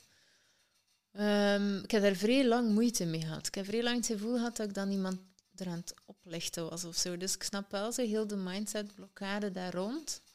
Ehm, en dan heb ik eigenlijk voor mezelf geanalyseerd van waarom vind ik dat hier nu zo moeilijk? Eh, waarom, waarom, waarom, waarom? Ehm, en ja, en dan bleek dat, dat, ja, dat het ook wel een beetje stiekem was ook. Mensen schrijven in voor iets gratis en dan gaan ze op het einde is in één keer, ah, en koop nu. Dus zo van, huh, van Mhm. waar komt dit? Ehm, dus ben ik mijn communicatie beginnen veranderen en echt op voorhand al eh, beginnen zeggen. Dus als ze inschrijven, zeg ik echt op de thank you page van, hey, eh, op het einde ga ik iets voorstellen. Ehm, vind het helemaal niks, helemaal goed. Hè. Toch ga ik superveel waarde leveren. Dus als je ervoor wilt afhaken, ook helemaal prima. Ehm, en dan vind ik het ook veel... Ik heb gewoon gezocht naar manieren voor het voor mijn eigen gewoon zo ja, tenslotte is het gewoon de mensen helpen. Hè, met alle kennis die je al opgedaan hebt door de jaren heen, wil je dan nu... Ja, hé, en daar staat altijd een prijs tegenover. Je geeft wel deel gratis weg, waarde enorm veel, maar ja, ja je hebt toch ook... Het is geven en nemen in het leven ook. Eh, goh, ja. ja, ik weet dat niet goed. Ehm, ik, ik geloof echt dat als je geeft, dat het automatisch terugkomt. Dus geven en nemen vind ik altijd zo aan Geven en ontvangen. Ontvangen is een beetje- Ja, ben ik akkoord. Vind ik wel een mooi. Ja. Ehm, ja. Dus ja, ja, maar ja, voilà, dus dat. Ik geef gewoon alles. En uiteraard, als je het stap voor stap wilt en zo verder, ja, dan... dan ja, en eigenlijk is het ook... Ik, ik probeer mensen zoveel mogelijk te motiveren om in al eigen te investeren. En dat is ook geen marketingstrucsken of zo. Dat is echt omdat ik het zelf gewoon zie bij mijn eigen, van hoeveel dat dat doet. Jij zei, een van jullie twee zei van als je elke dag 1% Ja, groeit, klopt, hè, ja. dan zei de... Als, je, als, je, als je in jezelf investeert en je zorgt ervoor dat je iedere dag 1% kunt groeien, dat is 1% op 1% op 1%. En Mhm. dat is op een jaarbasis, op 365 dagen. Dat is geen 365% dat je gegroeid bent. Je bent in totaal 3780% gegroeid. En dat is, ja, als je, daar, als je het over een investering hebt, en je hoeft maar een klein beetje te investeren. En iedere dag daar consequent stap voor stap aan te bouwen, ja, dan ga je vanzelf groeien als persoon. Hè. Ja, Het is om, raar als je dan tegen de mensen zegt, bijvoorbeeld, ja, ik heb dit jaar 10.000 euro geïnvesteerd in mijn persoonlijke ontwikkeling. Ah jong, zot, zoveel. En dan ja. eh, zeggen mensen, ja, ik heb een nieuwe keuken, eh, ja, 25.000 euro en er nog wat opties bij, of over een auto. Dan maakt het niet uit, 1000 euro meer of minder, of eh, noem maar op. En vanaf dat iets is, ja, dan voelen ze dat niet als tastbaar. Mhm. Hoe zie, ah ja, ja, hoe zie jij dat? Ik weet al hoe dat jij het ziet. Als je 100.000 euro investeert in persoonlijke ontwikkeling dat je drie keer zoveel terugverdient. en drie keer zoveel terugverdient. Maar ja, je bent ook ergens begonnen. Wanneer had jij door van, hm, het is wel interessant om in mezelf te investeren? Ehm, ik spied. Ik eh, ben eerst beginnen investeren in eh, eh, zelfontwikkeling. En dan pas in materiaal. Dus ik ben gestart als fotograaf en ik had echt nog een goedkoop fototoestel. Ehm, mega traag. Als ik dan een full frame had, dan dacht ik wel van fuck. Wegwerpcameraatjes ook. Nee, zo erg was het niet. Maar het was toch, eh, zo, echt, eh, toch echt een vrij traag dingetje. Ik, ik, heb dat dan aan mijn schoonzus gegeven later. Ik heb die over laatst nog een keer in mijn handen gehad. En ik dacht, oh my god, heb je daar, je daar een half jaar mee gefotografeerd? Um, dus ja, dat, dat was echt een, een goedkoop. Maar wat ik dan wel deed, was een van de eerste dingen dat ik dan in geïnvesteerd had. En nu zou ik bij die persoon geen cursus meer kopen, omdat ik um, voel dat dat geen match meer is. Maar een van de eerste cursussen dat ik gekocht had, was bij Ilko uh, de Boer. Um, en ja, ik had toen nog niet eens zoveel geld verdiend en ik had het al uitgegeven. Dus, dus ik weet gewoon dat leren, dingen zien... Um, het leven heeft zo laagjes ook, hè, maar jullie weten dat zeker. Want één keer dat je het eerste laagje eraf trekt, dan... Dat is het, dat is het tof van een persoonlijke ontwikkeling, hè. Van die uist pijl voor pijl afpellen en je komt steeds een laagje dieper. Ja. tot je het bij de kern komt. En ja, maar... Als je er niet tegen kunt beginnen te blijven. Maar wat dat, dat, dat zo, juin, wat dat is zo wel... Die had ik nog niet gehoord, trouwens. wat dat wel zo een, een valkuil is, en je hoort ook meer en meer mensen erover spreken die in de persoonlijke ontwikkeling zitten, van ja, je kan wel blijven consumeren, consumeren, maar het is ook belangrijk om te produceren. Ja. Hoe vind jij die balans tussen consumeren en produceren? Maar ik snap dat wel. Um, um, maar ik denk dat dat ook ligt en helemaal in het begin als fotograaf had ik uh, vrij veel geïnvesteerd in uh, workshops ook, ook voor beter te leren fotograferen. En ik weet nog dat de eerste workshops die ik volgde, was dan door um, ja, lesgevers die niet per se u wouden laten groeien, maar eerder zichzelf zo op een, op een podium wilden zetten en eigenlijk heel graag duplicaatjes wilden van zichzelf. Zo, zo moet je het doen. En toen ben ik daar wel in meegegaan. Ik had zo vrij weinig ervaring ook. En, en ik weet nog bij die workshop, en dat was geen goedkope workshop, um, dat ik thuis kwam en dat ik dacht, oh, ik doe alles verkeerd. Ik ben super slecht. En ik heb dan echt een paar weken nodig gehad om daarvan te bekomen.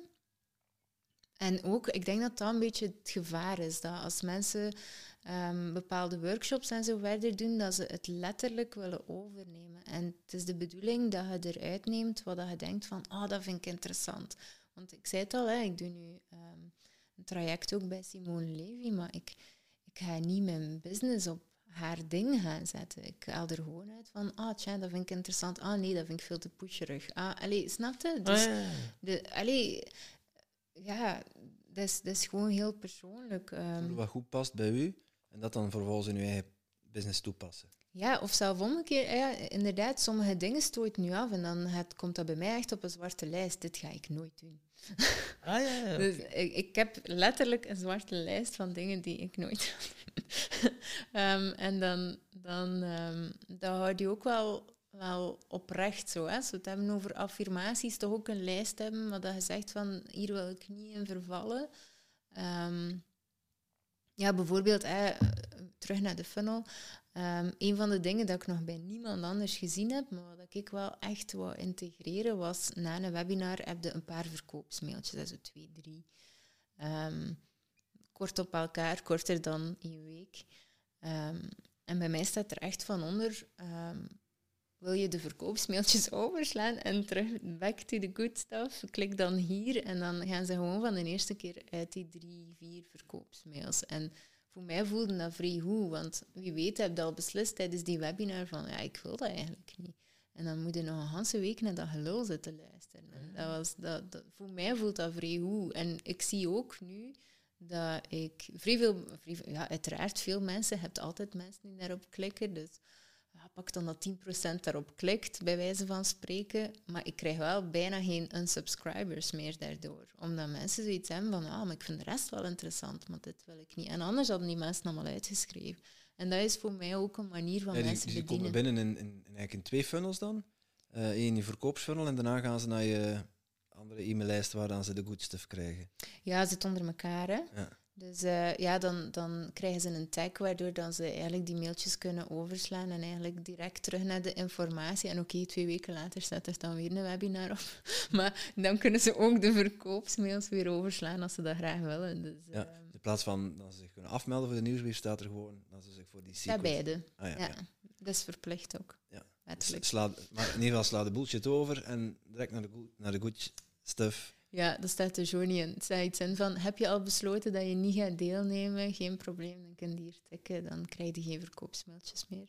En dat is dan eh, dat webinar ook een deel van je passief inkomen. Ja, En het passief inkomen, eh, ja, cijfers om van te duizelen. Eh, voor anderen misschien niet, maar ik vond het wel indrukwekkend.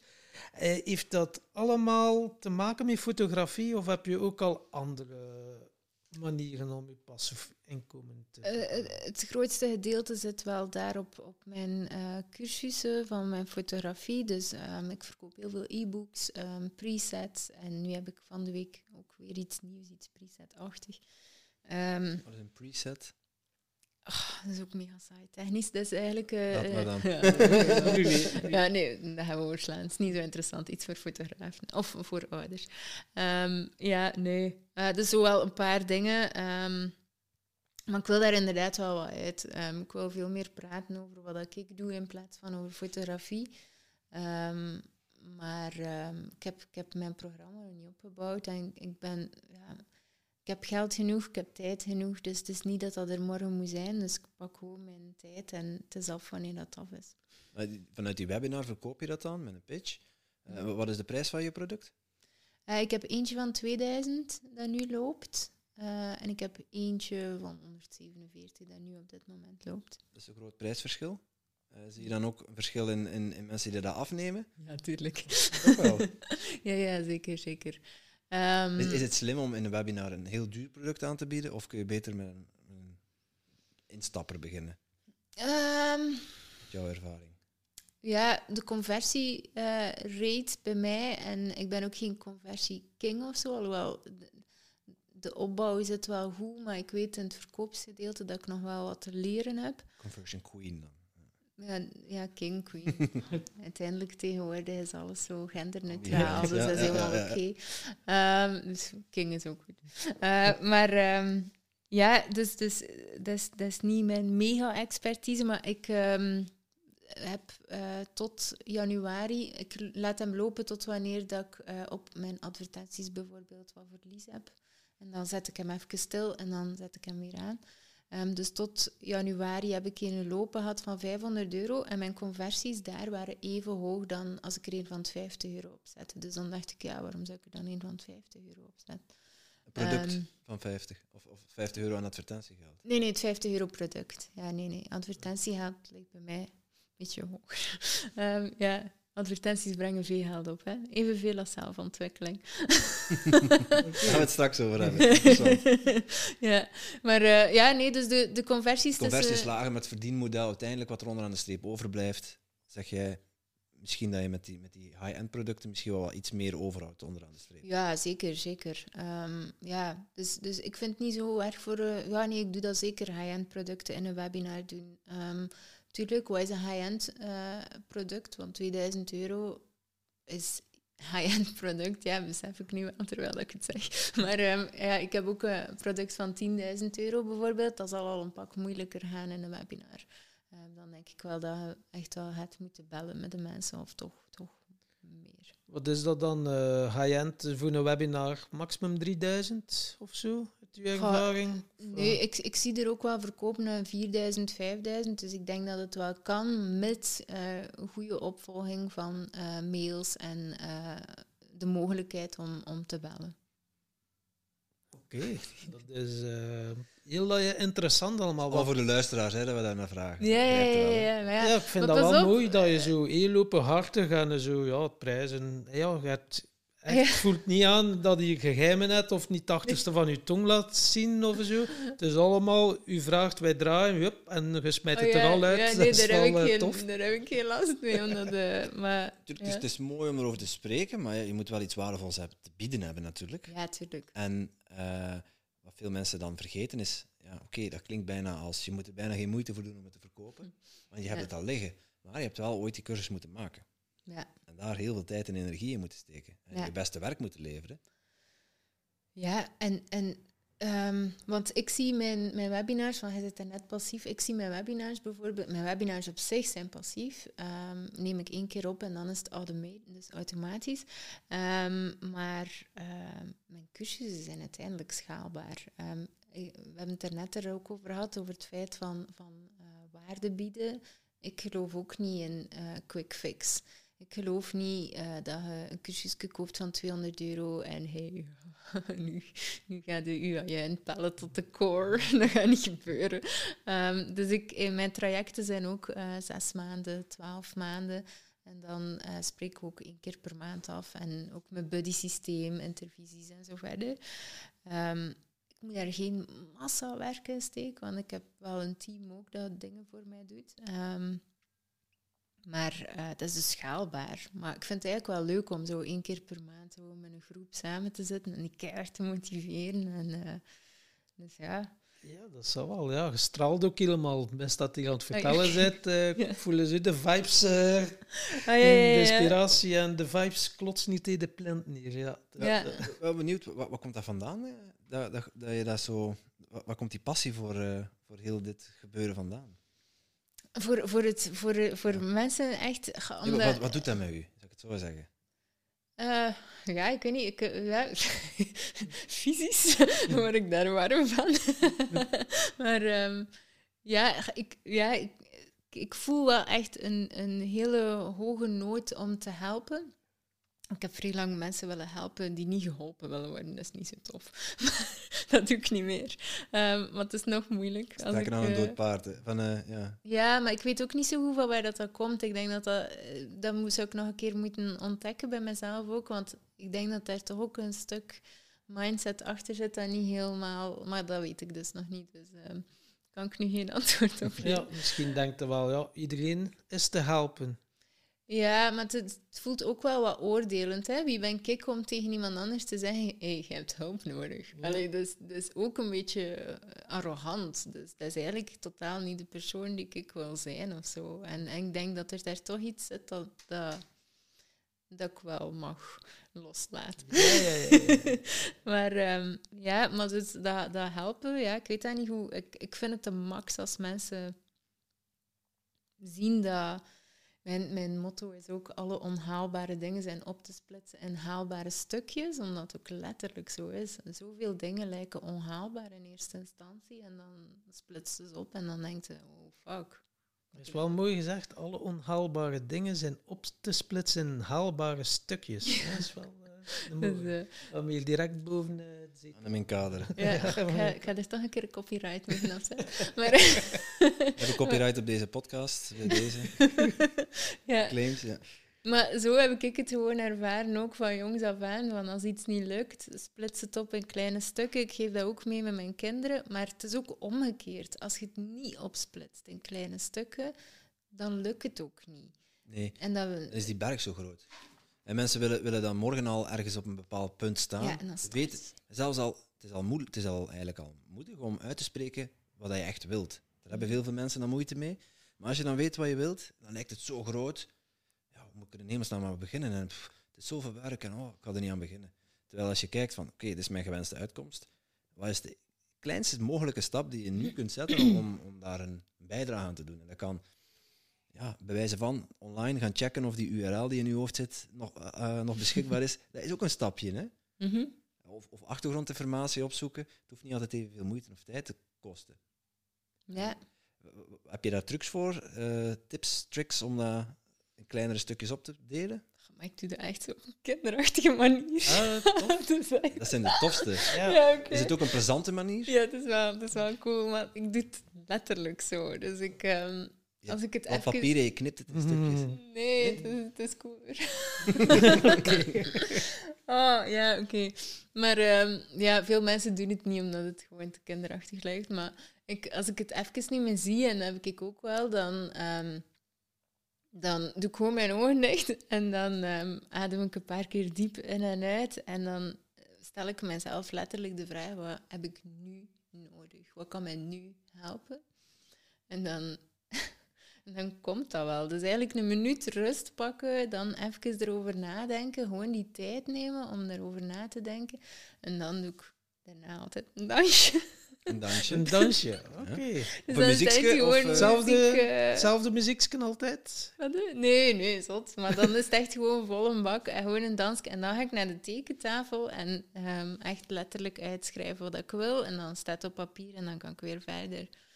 Ehm, Dus een minuutje in- en uitademen, muziekje vol een bak en dan dansen voor Nee, een de minuut. eerste vraag stellen, wat heb ik nu ja, nodig? Wat, wat heb ik nu nodig? Zonder antwoord. wat Wacht je tot het antwoord komt en ga je dan... ik wacht dan- wel tot het antwoord komt. Ja. Maar meestal hebben we maar drie minuten in totaal nodig. Ze. Ja, en dan is Niet dat dansje. En de dan dat dansje om het te vieren dat het antwoord is gekomen eigenlijk. Maar gewoon een keer even die, die, ehm, die overwhelm dat je hebt, gewoon los te schudden vooral. Ehm, dat, dat heb ik echt nodig, want anders blijf ik zo gelijk in een stress.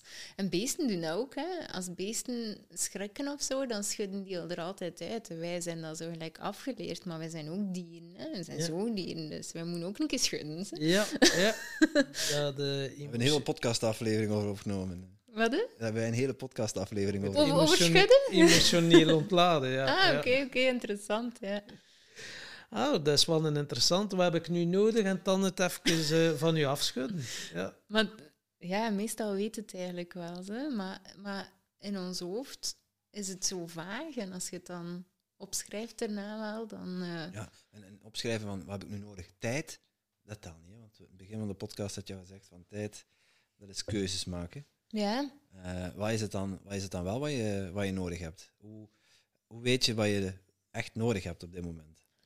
Ehm, wel, ik ik, eh, interessant. ik, ja, ja, ik, ehm, ik zat eh, van de week, denk ik, of vorige week vast, omdat ik me te veel tegelijk bezig was. Ik was mijn funnel aan het schrijven, ik was een nieuwe webinar aan het maken, dus het was zodanig veel en, en ik zag het ook niet meer. En vooral wat dat mij opviel, was dat ik eh, heel veel aan het multitasken was en aan het switchen was van taken, waardoor dat ik in één keer het gevoel had van, wat ben ik hier nu eigenlijk aan het doen? En mijn helft van mijn dag is gepasseerd en kan ik ook nog iets anders doen dan dit? Dus ik werd zo heel gefrustreerd en dan heb ik dat gedaan. En dan wist ik ook gewoon van, "Pff, ik heb nu eerst nooit daaraan. En ik weet niet meer wat ik gekozen heb, sorry, dat weet ik niet meer. Maar ehm, dan heb ik dat gedaan en dat was een mega eh, fulfilling day gewoon. En ik heb dan nog drie uur geweest te gaan wandelen ook. Dus, dus had ik dat niet gedaan, dan had ik gewoon blijven switchen van taken, me mega mottig gevoeld en met een mottig gevoel gaan slapen. En nu, doordat ik wist van, dat wil ik doen, kon ik dat afwerken en kon ik drie uur gaan wandelen.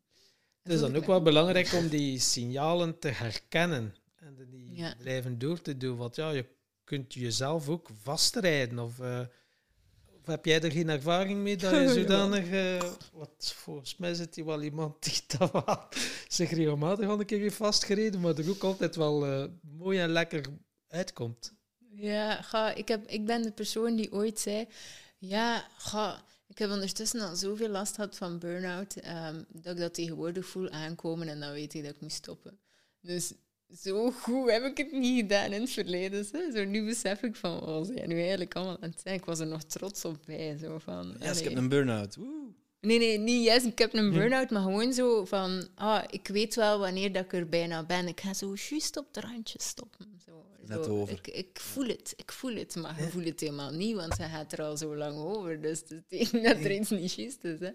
Ehm, maar ja, dus ik ben zeker niet de persoon die hier gaat zeggen van, oh, ik ben hier heilige Maria en ik heb het allemaal gezien. Ehm, Ja, ons verbazen ook, ze.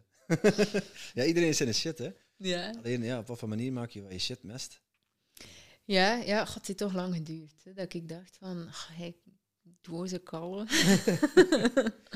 Ja, en dat het even niet weet, ja, wie ben ik nu echt? En eh, ja, je, kan er blijven, je kunt er blijven op zieken op die vraag. En je kunt je eigen nog zotter maken ook en nog meer boeken beginnen lezen en podcasts luisteren om toch maar dat geheim of die geheime formule te gaan ontdekken. Ja. En Ja, ja, mag je wel nog iets zeggen? Ik heb je onderbroken. ik wou niks meer zeggen. of ik, eh, hetgeen eh, wat ik nou wat wou wat is zeggen daarop je antwoord, Kim? Ja, hoe heb jij de formule ontdekt? Of is er geen formule? Ja, ga- ik, ik raak wel rap overprikkeld, denk ik. Ehm, dat wel, gelijk bijvoorbeeld social media en zo. Ik, ik post massas, en dat doe ik wel, maar ik zit nooit zelf te scrollen of te doen. Ehm, dus ik, ik zelf, ik consumeer eigenlijk amper. Hoe doe je dat? Ja, dat is voor mij een hele Toch, belangrijke... toch, toch Ik- zichtbaar zijn en dan op dingen reageren, liken misschien, of niet? Eh, Zoek je geen interactie mee met, met je Ehm, ja, je, je, maar nee. Nee. nodig? ehm, Als iemand nee. jou een vraag stelt, een, een toffe reactie plaatst onder een post van jou. Maar, ehm, dus ik, ik heb twee accounts, hè, mijn fotografen-account en, en mijn andere account. Bij mijn fotografen staat mijn DM zelf uit, dus niemand kan mij sturen. Ehm, dus niet volgens de regels van Instagram, I don't care. Ehm, ik, vond dat vreselijk verstikkend om eh, andere mensen te bedienen op hun termen. Ik wil iedereen helpen, maar wel wanneer ik daar zin in heb. Ehm, en ja, ik word meestal wakker en dan, eh, morgens heb ik vrij veel inspiratie. Het schijnt dat dat heel normaal is. Ehm, dus dan maak ik altijd mijn stories en dan zet ik ze erop. Maar voor de rest, ja, ja, ja, ik zet ze erop, maar ik scroll gewoon niet. Dus, dus ik, het is niet, ja. Je zou kunnen zeggen van dat, dat sommige mensen zeggen dat dat verslavend is, maar ik voel me daar zodanig slecht door. Nadien zo'n goor gevoel dat ik weet van dat is niet goed voor Dat mij. consumeren. Ja, ik kan me Ja, daar echt heel ook, slecht ook. Van voelen. Ik wil dat niet. Oh, die Facebook en die Instagram en dan LinkedIn, is, dat, dat is dan zo verdoken, Oh ja, maar dat is eigenlijk net zo erg. En dan zit je zo, niet, betrapt jezelf op dat je aan het scrollen bent, aan het lezen bent en je energie hebt weg en wordt helemaal leeggezogen. Ik vind het een verschrikkelijk gevoel. Maar, dus je kunt je gewoontes veranderen door eh, emotioneel hè, een, een, een heel, ja, het is wat, dat is een moeilijke materie, maar ehm, je kunt dus je gewoontes veranderen door daar een emotie aan te koppelen. En ik heb dat daar onbewust gewoon gedaan, omdat, omdat dat gevoel zo zwaar binnenkomt dat ik dat gewoon niet meer wil. Ik, ik doe het niet meer. Ja, dus eigenlijk een positief gevoel koppelen aan ja, maar dingen op Facebook zetten of op Instagram posten of een story vertellen. Dat is leuk, Ja. daar krijg ik energie van en al de rest doe ik niet. Ja, maar het- er zijn een paar mensen dat ik check. Dus, dus mensen dat ik weet van, oh, daar komt er geen shit op. Eh, die, ik, ik ga ook niet scrollen, dus het zijn echt alleen de stories dat ik check. Dus ik weet Peter hè, en, en Greet. En dan zo... eh, Podcast, ja, ja, ja. jullie zitten nog niet in mijn lijst. Oh. Maar ik, ik zit echt niet veel op in, Nog dus niet, ik weet niet algoritmisch gewijs of dat zo interessant is om mij als volger te hebben. Maar ehm, ja, dus, dus ik spendeer heel weinig tijd aan consumeren en de dingen die ik consumeer zijn heel ehm, gericht. Ik, ik luister bijvoorbeeld zelf niet zo vaak naar podcasts, ehm, omdat ik dan liever een uur naar een workshop luister, waar dat alle tools en zo verder erin zitten. En is dat dan ook niet consumeren? Is dat nog een verschil voor jou dan? Ehm, omdat er in een podcast... Eigenlijk denk ik dat je allemaal zit te zeggen. Omdat er in een podcast veel meer fluff zit dan in een kusjes. En ik heb het graag ehm, direct. Tijdverspilling is, is, is voor mij wel een big thing. Ik, ik wil zo weinig mogelijk tijd verspillen. Ehm, dus ja, als ik mijn tijd bewust kies en ik verdeel mijn tijd heel bewust, dan, dan kies ik niet voor een podcast en wel. Kijk, en mag ik jou daar... eh, dat is ook een mindset natuurlijk, hè. Ik, ik ga een lans breken voor, voor podcasten, deze. Dat, wij, hebben, wij hebben een tof gesprek en hier zit tonnen van waarde in. We zijn Ja, nu tuurlijk. 1 minuut, 1 minuut 20. Er is geen enkele, geen enkele workshop die jij al gevolgd hebt, die op 1 uur en 20 minuten, waar zoveel tips en tricks en toffe ideetjes in zitten, dan dat je tot nu toe in een uur en 20 minuten gehoord hebt. Dus dan is het heel selectief. Een bepaalde bunch van informatie die je krijgt, die wordt dan uitgelegd, voorgekoud en hop, dat is het. Maar in een gesprek ontstaan er, ja, doordat we overal op inhaken en ik denk dat an- voor van onderwerp veranderen, dat, het, dat je heel, ook al, hè, als je daar al alert voor bent, dat er heel veel in zit waar je heel grote stappen mee kunt maken. Ik denk dat het voor Kim dan wel belangrijk is dat je op voorhand weet, oké, dat ga ik leren. En in, en, en in de podcast weten dat nog Nee, niet. nee, nee, Eh, wat, dat, waar. wat informatie dat allemaal. En bij u is het dan heel, ik wil enkel die en die informatie hebben en de rest, fuck it. Ja, maar zo, podcast bijvoorbeeld, ik ga ze wel lezen. Als er, Ja, ja. ehm, ja, maar ik speel ook al mijn podcast maal twee af als ik dan lees. Je leest de eh. Ja, ofwel lees ik de blogs. Oh, maar eigenlijk, ik ben precies zo'n freak of zo. Maar ik, Nee, nee. Of, of- ofwel, of- ofwel lees ik de blogs erbij als, als topic mij aanspreekt. Ehm, eh, maar dat is dan ook zo hè, diagonaal lezen, ofwel is de podcast beluisteren maal twee. En dan, Ik hoor daar nog van eh, mensen zeggen, Ja. omdat het dan veel gemakkelijker is om te volgen. Omdat Ah, anders ja, ja. eh, sneller zit afgeleid of zo. Ah, bij mij is het gewoon mijn tijd. maal eh. twee. Ja, ja. Ja. maal, ja, maal twee. ik ja. heb al gemerkt, ik, ik doe altijd edits, dat Tom een beetje gelijk Mickey Mouse klinkt als hij uh, wat rapper eh, doorgespeeld wordt. Ja, Dus eh, dat kan nog grappig zijn ook dan. ja. Oké. ja, Ja, kunnen we doen. We kunnen wel een podcast van een uur in een half uur luisteren. Dan kunnen we er twee van een uur luisteren. Ja, maar het is echt bij mij puur van, wat zit er nu eigenlijk in? Ehm, ja, dat, dat wil ik echt heel graag weten. Ehm, en, en ja, zelf met intervisiegroepjes bijvoorbeeld. eh, Ik, ik, ik ben echt geen... Ik, ik ben degene die in het midden van het intervisiegroepje afhaakt omdat er te veel fluff in zit. Dus, dus ja... Snap het? Ja? Ja, Je, je hebt liever concrete voorgekouden informatie, of eh, in ieder geval gedoseerd. Ja, voorgekoud in die zin. eh, Dat in, in, een, in een afgebakend kader, eh, dat is wat ik ga leren over dat topic. En ja. dan neem je het tot je. ja. Zo bedoel ik me voorgekoud. Hè?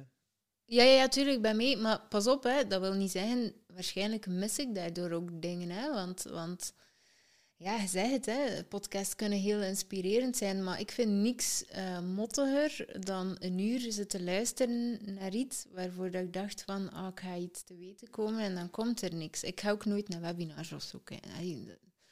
Mhm. dat, dat, dat- maar iedereen is gewoon anders. Bij mij moet het echt heel concreet zijn. En boeken lees ik ook heel graag, maar als ik merk na pagina 20 van die kerel heeft nog niks interessants verteld, dan, dan is het gedaan. Ja. Ah, ja, ja, ja. Echt wel heel categoriek zeggen van hm, nee, dat is niet voor mij en schuiven aan de kant. Ja, als je na 20 pagina's nog niks eh, interessant verteld hebt, dan gaat het niet komen, vrees Dat is Gaat ook er die andere 120 pagina's niet veel beter zijn. Maar het, Ja. wat ik wel interessant vind, is dat passief inkomen. eh, veel mensen denken nu wel, ik wil dat ook. Wat stapjes kan jij gaan aanraden? Van kijk, begint allemaal met een idee, iets, een, een passie. Hè? Dus ja, het is wel belangrijk dat je ergens een passie voor hebt. Maar hoe zet je dat dan om in een passief inkomen? Wat ik hoor jou ook spreken van, je hebt een team, dus ik vermoed al de dingen dat je niet graag doet, schuif je door naar je team, zodat jij echt wel enkel nog de leuke dingen kunt doen. Ja. En daar wil ik ook naartoe. Dat is, we zijn er al goed in bezig, maar ja, het is wel interessant om een keer te horen hoe dat jij dat hebt aangepakt. Ehm, ja, ik ben begonnen. eh, ja, ik ben begonnen, maar dat is ook weer zo. Dat groeit ook, hè. Dus ik vind dat zo'n heel moeilijke. Je hebt soms mensen die zeggen van de eerste keer, oh, ik wil een passief inkomen, maar ik denk toch wel ergens dat het een beetje groeit ook. Ehm, Tijdspannen voor de luisteraars, dan is er een idee van. dus te zien hoeveel dat je doet aan Ja. zelfontwikkeling.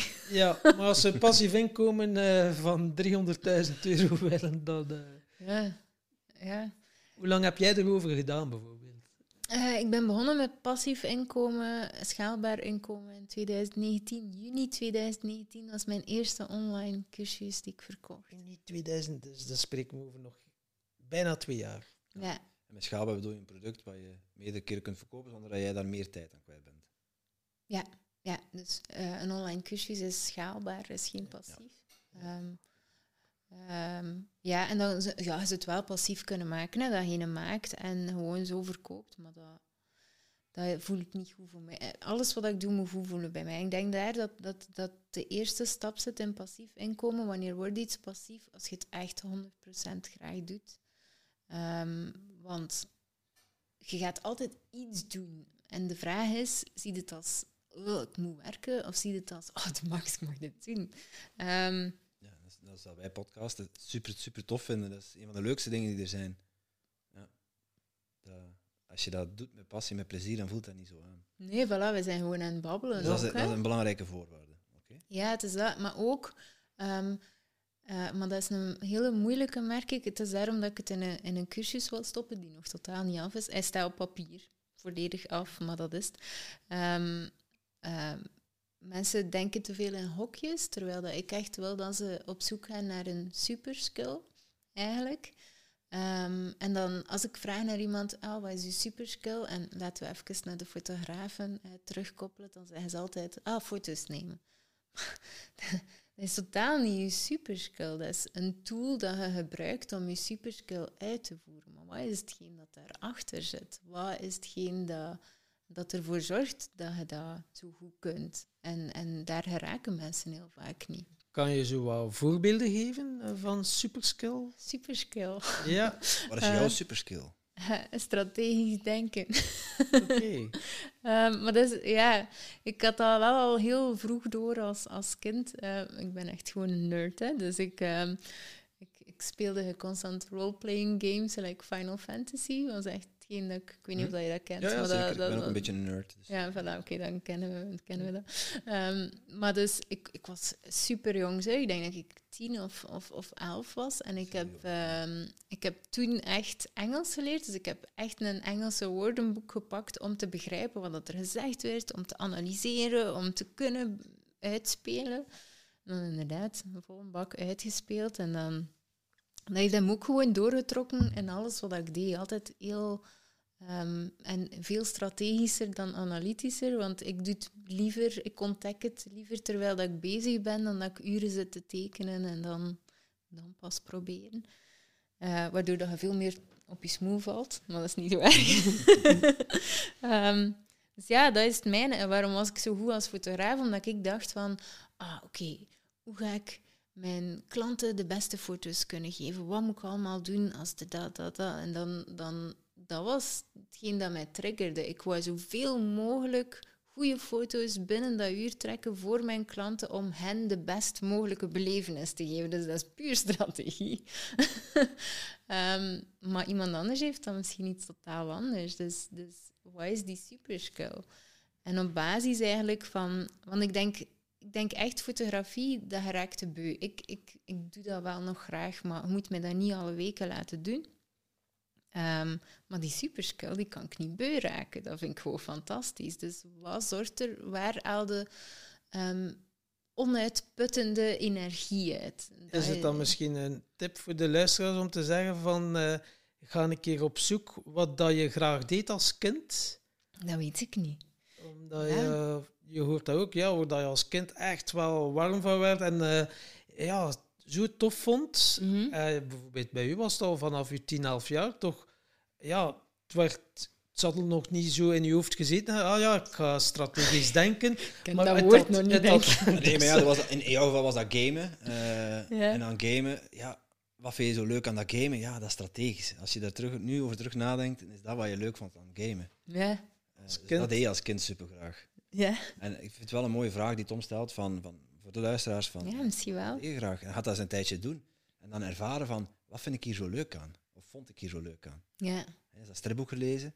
Ga een keer gewoon stripboeken lezen. ja. En, en wat was er leuk aan? Ja, die, verhalen of, wat er vertelt over die karakters of, eh, of dat je er zelf in kunt inleven. En daar zitten misschien ook al ja tuurlijk. aanknopingspunten voor je superskill. Ja. Ja, er zitten zo wat oefeningen in de cursus ook, maar die zitten niet tussen. Misschien moet ik die er ook even Ja, ja. Graag Een gedaan. goede Eh, idee. Halen. Nee, graag Co- gedaan. copyright, Commissie, commissie. copyright. Ehm, ja, maar wat is het bij jullie? Kunnen, kunnen er zelf op antwoorden? Ja, Superskill. ik vind die strategie, eh, daar sluit ik me wel bij aan. Maar ik, ik zou het graag wat, wat levendiger maken. Voor mij is dat ehm tof ideetjes bedenken. Mhm. En die volwassen zien worden. Dat is, ja, zien worden, dat is niet echt een skill, maar gewoon tof ideetjes bedenken. En, en mensen enthousiasmeren om daar samen in mee te gaan. Ja. Ehm, en een andere, maar dat is meer een, een soort destiny, eh, mensen de kans geven van hun leven.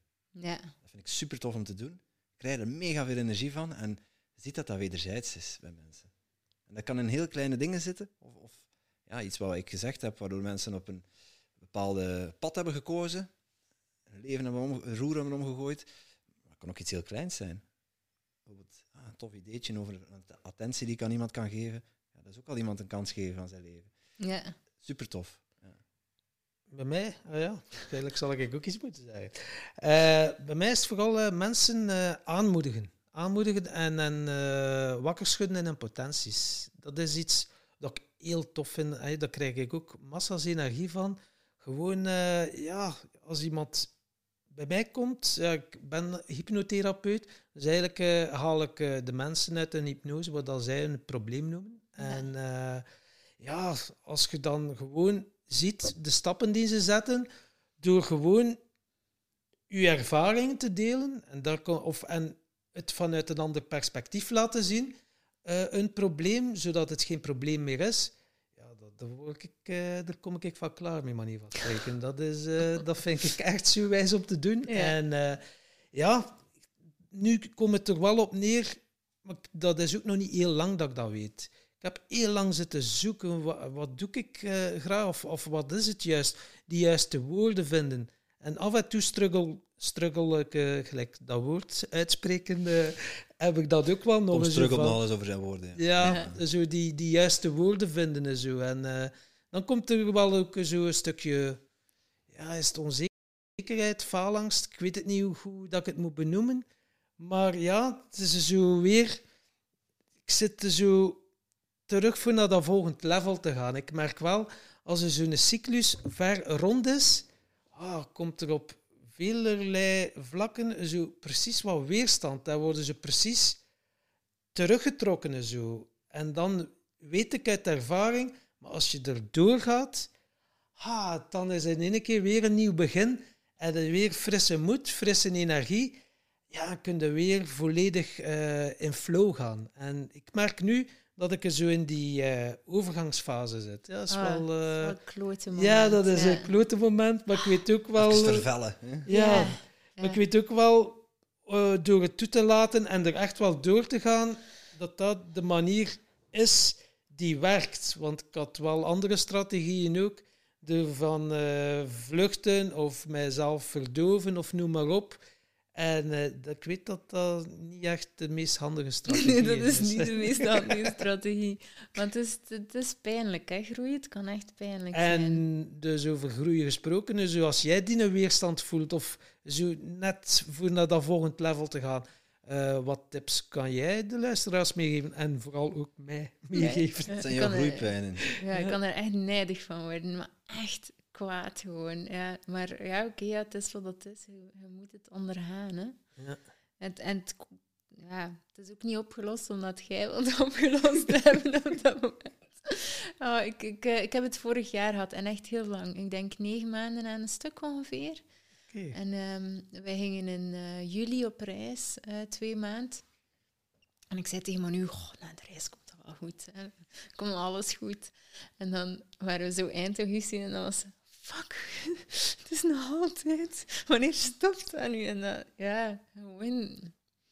En dan eind september is het vanzelf uit de lucht gevallen. Dus het is, het is gewoon blijven doorbloeden. Ehm, wat ik wel gemerkt heb, is ehm, niet voor mijzelf. ga- Ja, ik weet het niet goed. Nee, het is eigenlijk geen goede tip, want het kan ook weer. Ehm, ik heb bepaalde keuzes gemaakt in het groeiproces toen, die, ik, eh, die, eigenlijk, ja, die ik beter niet had gemaakt. Gewoon omdat ik eigenlijk wou dat de groeipijnen over waren. En ik dacht, ja, dat gaat opgelost zijn. Maar dat forceren, dat... Ja, het Ja. forceren het is het ook dat, dat geduld hebben en het gewoon echt wel toelaten. Maar ja, dat is, in woorden is dat heel makkelijk gezegd. Hè? Zoals Tom wel eens zegt, je kunt wel aan gras trekken, maar dat wil niet zeggen dat het harder gaat groeien. Ja, Ja.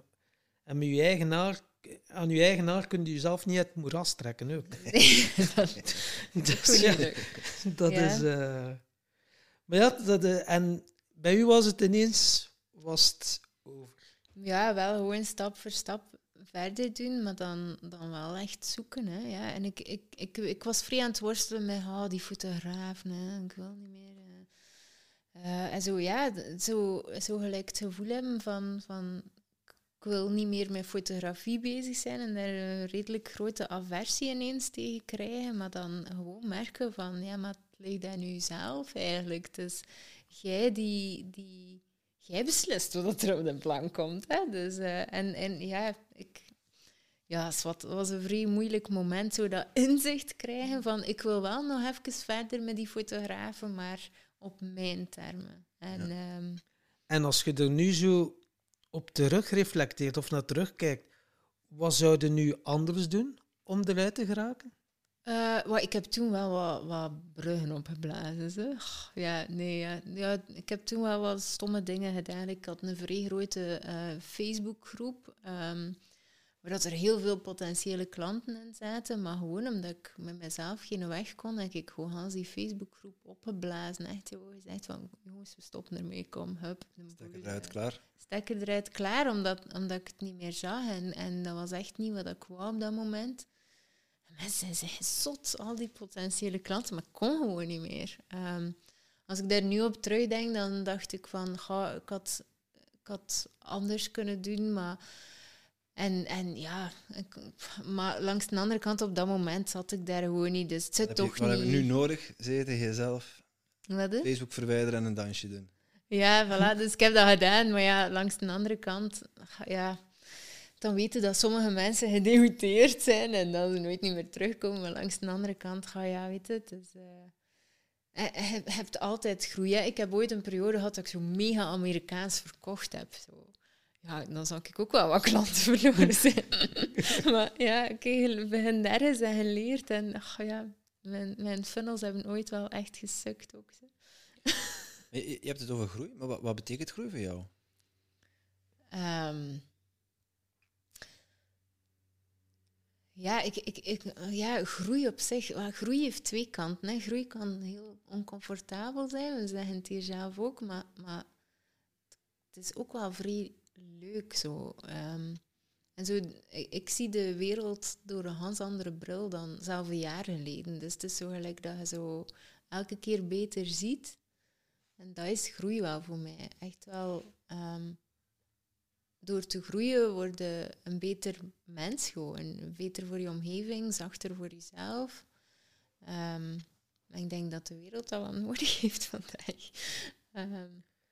Dat klopt inderdaad wel. En eh, om zo dichter bij jezelf te komen, heb je zo ritueeltjes om dat te doen, om echt wel eh, dicht bij jezelf te komen? dansjes doen. Dansjes doen? Veel als mogelijk. Ja, zoveel mogelijk. Ja. Doe je dat muziek? Of je God, moesten mij zien rijden soms. Dat is vreed. Eh, meezingen ook? dat is echt... eh, ja, over laatst was er iemand die zei... "Ah, Kim, kan je zien rijden? Stikt hij het niet? ja, dus... Ja, oké. Ehm, ja, dat is... eh, ja, tips om, om, om, om, om te groeien, zei hij. Want bij uw vraag... Tot jezelf een te- beetje Of bij- tot jezelf te komen. eh, Ja, ik denk dat het een beetje taart van beestje is. Dat we, dat we elkaar, dat we onszelf toch af en toe een keer verliezen. ik vind het wel een leuke woordspeling. Taart van beestje. Het moet nu toch wel lukken dat onze buurvrouw hier lekkere taart heeft eh, komen brengen. Dus eh, babbel maar rustig verder. Ik ga jullie een stukje taart aanbieden. Ja. Wat denk je? Taart Ja, dus- tijdens de podcast? Ga- Ik ga niet eten tijdens de podcast. Ik heb zullen, wel we last zullen, van we zullen hem straks opeten. Oké, voilà. ja. Maar jij lust, nog een, jij lust nog een beetje water? Ja, ik wil wel graag nog een Eigenlijk beetje was water. het ja, want ik moet ook nog een keer water. Ja, ik, eh, ik ook. Waar is het toilet dan? Ah ja, daar. Ehm, Oké, ik zal het al doen waar dat is. En dan gewoon hier en die deur zien. dat is goed. Dat is een goed voorbeeld. Ja. We kunnen, we, kunnen, we kunnen ook straks eh, zeggen van eh, we gaan een. eh, zeg je dat? We ronden hem af en doen een plaspauze. Dat is ook nog een optie. Ja, ja, ja, dat kan ook niet. Hey, je, had het, je had het, we hebben het net ehm, eh, over de, ja, de meer persoonlijke kant gehad van, van groei. Eh, aan de andere kant hoorde ik jou net zeggen, eh, toen we het nog over funnels hadden en over, over je business van de adverteren, Mhm. van advertenties, ja, dat levert pas geld op. Want ja, daar zit, daar zit heel veel groeipotentie, hoor ik dan. Wat, wat maakt dat in adverteren zo interessant is dan? Voor je, voor je product, want je biedt dan een gratis webinar aan of een gratis e-book en daar ga je mee adverteren. Ja. Ja, ehm, Dus je gaat betalen om iets gratis weg te geven. ja. Zot, hè? Ja. ja. Goh, Ik vind, ik vind ja, advertenties zijn de max. Ehm, Facebook eh, ads, Insta ja. Instagram. Meer dan dat doe ik niet. Dus je kunt ook op Google en zo, maar ik heb gewoon mijn SEO zodanig geoptimaliseerd dat ik het wel met mijn SEO zal doen. Ehm, dus dat is niet per se nodig. Maar eh, Facebook en Instagram ads, ja. Eh, pak nu, maar ja, rekensommetjes eh, via een podcast zijn altijd zo.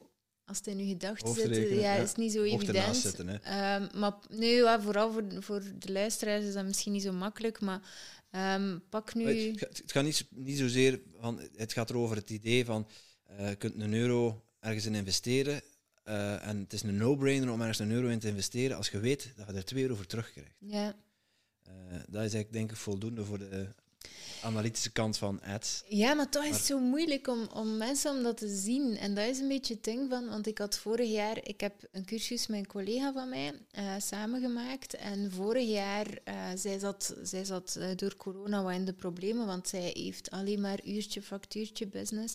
En ik zei, ga, weet je, zullen we gewoon ehm, die cursus dat we samengemaakt hebben, wat op advertenties smijten en dan eh, komt, er daar wel, eh, komt er daar wel wat geld in en dan heb je wat extra. Dus dat was eigenlijk vrij, vrij tof. Ik had zoiets van, ah, ze gaan zeker ja zeggen, maar ik zei van, ah, laten we beginnen met een budget van 300 euro per week. En ik weet, zij, zij echt, Kim, ik, ik heb nog geen 300 euro op mijn rekening en hij wil nu dat ik 300 euro investeer in eh, advertenties. En ik zei, ja, maar je weet hoe dat... Allee, die conversies op die webinars, dan zitten 15, 20 procent. En Het is 400 euro per cursus, was het. Ehm, dus kom eenmaal goed, je krijgt dat tiendubbel terug. Hij zei, ja, nee, dat doe ik niet. En eh, ik heb toen gezegd tegen hem, kijk, weet je, als het mislukt, ehm, dan ehm, neem ik de kosten op mij. En dan is akkoord te gaan. En inderdaad, we hebben het eerste, de eerste week hebben wij 30.000 euro omgezet. Wauw. Dus 300 euro heb je omgezet in 30.000 euro. Dat was de eerste week. Ehm, en de eerste week van de webinar, want dan zit er natuurlijk ook met een warm publiek dat inschrijft. Dus is altijd de beste week. En dan ehm ehm, vermindert het een beetje maand na maand. Maar we hebben uiteindelijk die webinar zes maanden laten draaien. We hebben eh, 250 maal eh 400, ik weet het nu niet van buiten, maar dat hebben we verkocht in totaal op die zes maanden. Vond ik toch. Eh, dus een mindset over adverteren van... eh, ja, wees niet te zuinig. Wees geen zuinige krent daar. Want als je daarop gaat bezuinigen, dan ga je ook een heel groot doelpubliek missen. Ja, En het het zijn juist die mensen die je wil helpen. En, en ja, je kunt niet zonder dat je eh, Facebook, Instagram. Het zijn gewoon marketingmachines. hè. Het zijn advertentiemachines. Mhm. Dus dat platform draait daarop. ja, ja, tuurlijk. Dus als mensen denken van ik ga het alleen doen met organisch, dat kan misschien, goed luck, maar eh, het gaat je heel veel tijd kosten. Het gaat heel lang duren. Maar je kunt dat niet vergelijken met eh, een euro die je investeert of die 300 euro die je investeert in adverteren. Maar het is ook, ja, hoe, allee, voor mij, Facebook-advertenties, ik reken, ondanks dat het geen persoon is, reken ik die bij mijn team. Die, als ik dat allemaal organisch moet doen, dan ben ik daar uren, uren mee bezig. En, en wat mensen dan niet denken van mij? Als ik constant zit te roepen, schrijf in voor mijn e-book. Ze gaan ook zeggen, hey, die Kim eh, die flipt hier een beetje. Terwijl nu kan ik gewoon praten en leuke, interessante dingen vertellen in plaats van schrijven op mijn e-book. Want dat gebeurt in mijn advertenties. Ik, ik verkoop niet op mijn social media, want ik kan babbelen terwijl dat die advertenties runnen. En ja, maar het ding is dan natuurlijk, hè, hoe ga je natuurlijk Facebook-advertenties daarop gaan zetten? Wat zit er daarachter? En ja, ik zeg niet, ah, als je 300 euro in Facebook-advertenties gaat steken, dan gaat het er sowieso uit krijgen. Nee. Wel weten waar je mee bezig bent. Ja, en, en dan gaan we weer naar doelgroepanalyse. Want ehm ga jij erop zetten van, eh, weet ik veel wat, schrijf in op een online gratis workshop voor... Heb ik al honderd keer gezien? Ja, dan gaat niemand inschrijven. Maar als je je doelgroep kent en je weet van, ah, die worstelen met dat probleem, dan is het weer iets om op te klikken. Dus ook, ook daar weer je doelgroep zodanig specificeren dat, dat als dat bij 100 mensen voorbij komt, dat dat juist bij die vijf mensen die erop klikken, dat dat 100% in hun hoofd klopt. Van, ja. Ja. dat wil ik. Klik. Dat, dat is echt Terwijl als je mij- iedereen probeert aan te spreken, gaan ze zeggen, ja, dat is al een tiende die ik zo voorbij hoor komen, ik ga er niet op klikken. Ja, het is dat, het is dat, ja, voilà, het is dat. En, en nu zie je dat zo, ik word er soms zelf een beetje geambeteerd van, zoals zo mensen zo van, eh, webinar, eh, ehm, maak je online cursus en verdien je eerste 10.000 euro. En dat is dan echt zo... Maar je ziet ondertussen al zodanig veel dat dat bij de ruis hoort. Dus mensen klikken daar volgens mij ook niet meer op, moesten die cijfers zien. Maar ehm, ja, waarom willen, ze die, waarom willen ze die online cursus maken? En dat is iets dat ik dan weer doe. Dan ga ik daarover praten. Je wilt die online cursus doen omdat je bepaalde dingen graag anders wilt. Wat wilde graag anders en waarom? En, en, en die analyse doe ik voordat ik een advertentie online Dus zet. het is eigenlijk, ja, oké, eh, online cursus, hè, verdient u eerst 10.000, maar hetgeen dat eronder is, kan bijvoorbeeld zijn, ja, meer tijd spenderen met mijn kinderen of, eh, of meer Ja. op reis gaan bijvoorbeeld. En het is dan eerder daar dat je op gaat belichten dan over die 10.000 euro. Ja, maar het is zelf nog meer van waarom willen ze meer bij kinderen zijn? Waarom willen Ah, ze? Dus ze blijven tot als je eigenlijk echt aan decentie komt. Want op reis gaan zie je ook al genoeg. Ze willen meer op reis gaan. Allee, Ja. dat- dat- Ja, ja. dat is- dat- daar ja, dus je kunt echt heel diep gaan. En dat is wat dat je nodig hebt. En dat maakt u dan ook, ehm, dat maakt ook dat je onderscheiden wordt van de markt eigenlijk. Ehm, ja, dus eh, ja, ja, zo. Maar, het- ja, en het is zoveel. Hè. Wilde, wilde een online cursus maken waar dat je 10.000 euro mee verdient. Hè, en, en, en dat eigenlijk de helft niet tevreden is, maar hij hebt die 10.000 euro ver- verdiend. Dus, allee, er zit inderdaad wel veel meer achter. En, en dat lijkt dan zo dat onhaalbaar. En het is zeker niet dat ik dat hier allemaal zeg om mensen te laten afhaken, maar gewoon om het op te splitsen in haalbare stukken. Begin een keer gewoon met eh, een webinar te maken zonder per se iets van te verwachten. Of gewoon een e-boekje achter te zetten van 10 euro, waar dat je bijvoorbeeld een dag werk aan gehad hebt. En, gewoon een keer te kijken van, van hey, hoe ging dit? Vond ik dit wel leuk? Of "Goh, was het toch niet dat? En, en dan kun je eigenlijk gaan denken van... ehm, ah, misschien ga ik nu een cursus maken. Want bijvoorbeeld op mijn andere account... Ik, ehm, ik heb nog geen cursus. Het, het gaat sowieso eh, drie, zes maanden minimum zijn, dat traject. Maar ehm, ik neem mensen wel mee van... Hey, ik ben dat aan het doen en dat aan het doen. En staan. Ja. ja, ik pak ze Mensen gewoon nu al mee. meenemen in dat proces, zodat straks als je iets te bieden hebt, Ja. dan, dan eigenlijk al, ze kennen je al, ze hebben gezien hoe dat je dat helemaal hebt opgebouwd. En dan, Ja, het is dat. En ik, en ik heb ook geen geheim. Dus als mensen vragen, hey Kim, hoe doe je dat met die funnels? Dan maak ik daar twintig stories over. En dan vertel ik hoe dat ik het doe. Ehm, dus ik doe echt wel mijn best om die waarde te blijven leveren. En ehm, ja, ik heb een drietal maand geleden gezegd dat ik een cursus ging lanceren. En er staan al 160 mensen op de wachtlijst. kijk, dus je verkoopt het al voordat je het product hebt. Ja, ja ik verkoop het niet. Hè. Dit is, dit, dit- Dus er zijn mensen die op de wachtlijst staan Ja. voor, voor het te kunnen kopen, zodat Ja. het beschikbaar wordt. Ja, en ze weten ook, hè, ze krijgen nu elke week een mailtje, maar het is echt wel de bedoeling met dat mailtje dat ze echt wel al aan de slag kunnen. Dus, allee, ik weet het, hè, ik vind dat zelf ook spijtig. Je moet wachten, sorry, je moet wachten, maar het gaat goed zijn. En ondertussen heb ik elke week een opdracht, een mailtje voor Ah ja, dus je maakt ze al warm of gemarineerd ze al. eh, Goh, soort. ja, maar het is zelf... En ja, niet marineren. eh, ja, in uiteindelijk de- doe je dat tegelijk waarde toch, hè? Ja, de gewone waarde dan zal mee iets kunnen starten om al in die flow, soort flow te komen of zo. Ja, want ik begon echt zo mensen te krijgen, want de meeste mensen die mij volgen zijn mensen die echt wel in vrijheid willen leven. En wij spreken nu wel over passief inkomen, maar vrijheid zit in zoveel kleinere dingen. Je moet daarvoor niet op pensioen zijn. Ehm, en, en veel mensen zeggen dan van, ah, maar ik, ik wil mij nu al beter voelen. En dan had ik wel zoiets van, oké, ik wil gewoon nu al iets kunnen geven, zodat ze misschien elke dag, als ze er elke week door mijn mail iets beter voelen, dan, dan is het goed. Ehm, ja, dus dat ben ik nu aan het doen. Oké, en ik, eh, het, het sanitair is vrij en ik dacht dat je moest plassen. Oh, dus ik zie dat we richting de twee uur gaan. Misschien. eh eh, zei je dat? Ik moet ook gaan, want anders, anders ronden we hem af. Ik heb zin in een taartje. Eh, ook, Of, we zit jij nog met 100, eh, 100, 100 miljoen We vragen? moeten nog verschillende vragen stellen, jongens. Zeker. En dat kan nog eh, even duren. Dat gaat een half uur duren. Wat? Dat gaat nog een half uur duren. Eh, dat zou zomaar eens kunnen. Dat zou zomaar eens kunnen. Oké. Tromgeroffel. Moet, je- Ik- moet je naar de wc? Want anders Ja, praten, ik wij, ga wel even. Ja, oké. praten wij dat half uur wel vol. Ja.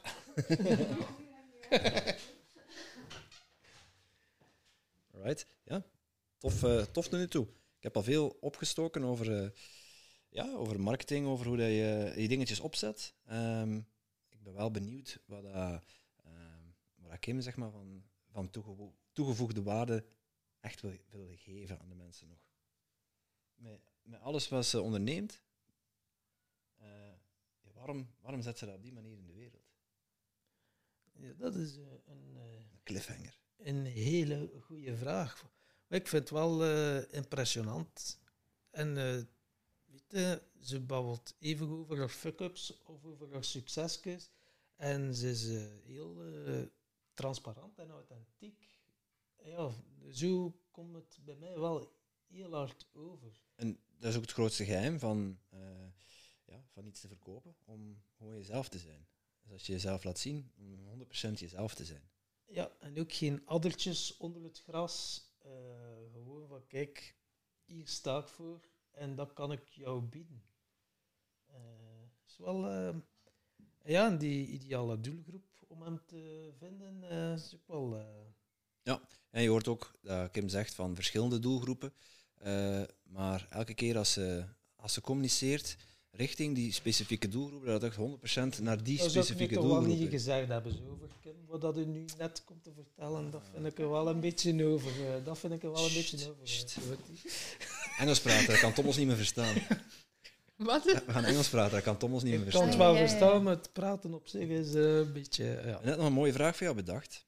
Uh, namelijk, ja, dat is, dat is passief inkomen, online marketing, online business opbouwen ik hoor je ook zeggen van je hebt verschillende producten, verschillende funnels die, die je aanbiedt, die dan mhm. in totaal leiden tot een aangenaam uh, inkomen om van te leven. Maar waarom doe je dit allemaal? Wat, wat, wil jij in de wereld zetten? Um, ik vind dat, over laatst heeft mij dan nog iemand gevraagd en, en, ik vind dat vrij moeilijk. Zo, uw, uw, uw missie eigenlijk dan. En um, ja, vind dat een vrij moeilijk om op te antwoorden. En, dan... en stel nu dat het vrij gemakkelijk zou zijn om op te antwoorden, wat zou je dan zeggen? Ja, ik, ik, ik, weet het niet hoe. Ik wil, ik, ik wil wel gewoon echt dat iedereen het goed heeft, dat wel. Heeft dat te maken met, met mij vroeger of niet, dat weet ik niet. Maar um, ja, ik denk dat, dat dat wel gewoon kan en dat we het onszelf heel vaak veel moeilijker maken dan dat allemaal hoeft. Mm -hmm. Misschien dat vooral, ons leven simplistischer maken.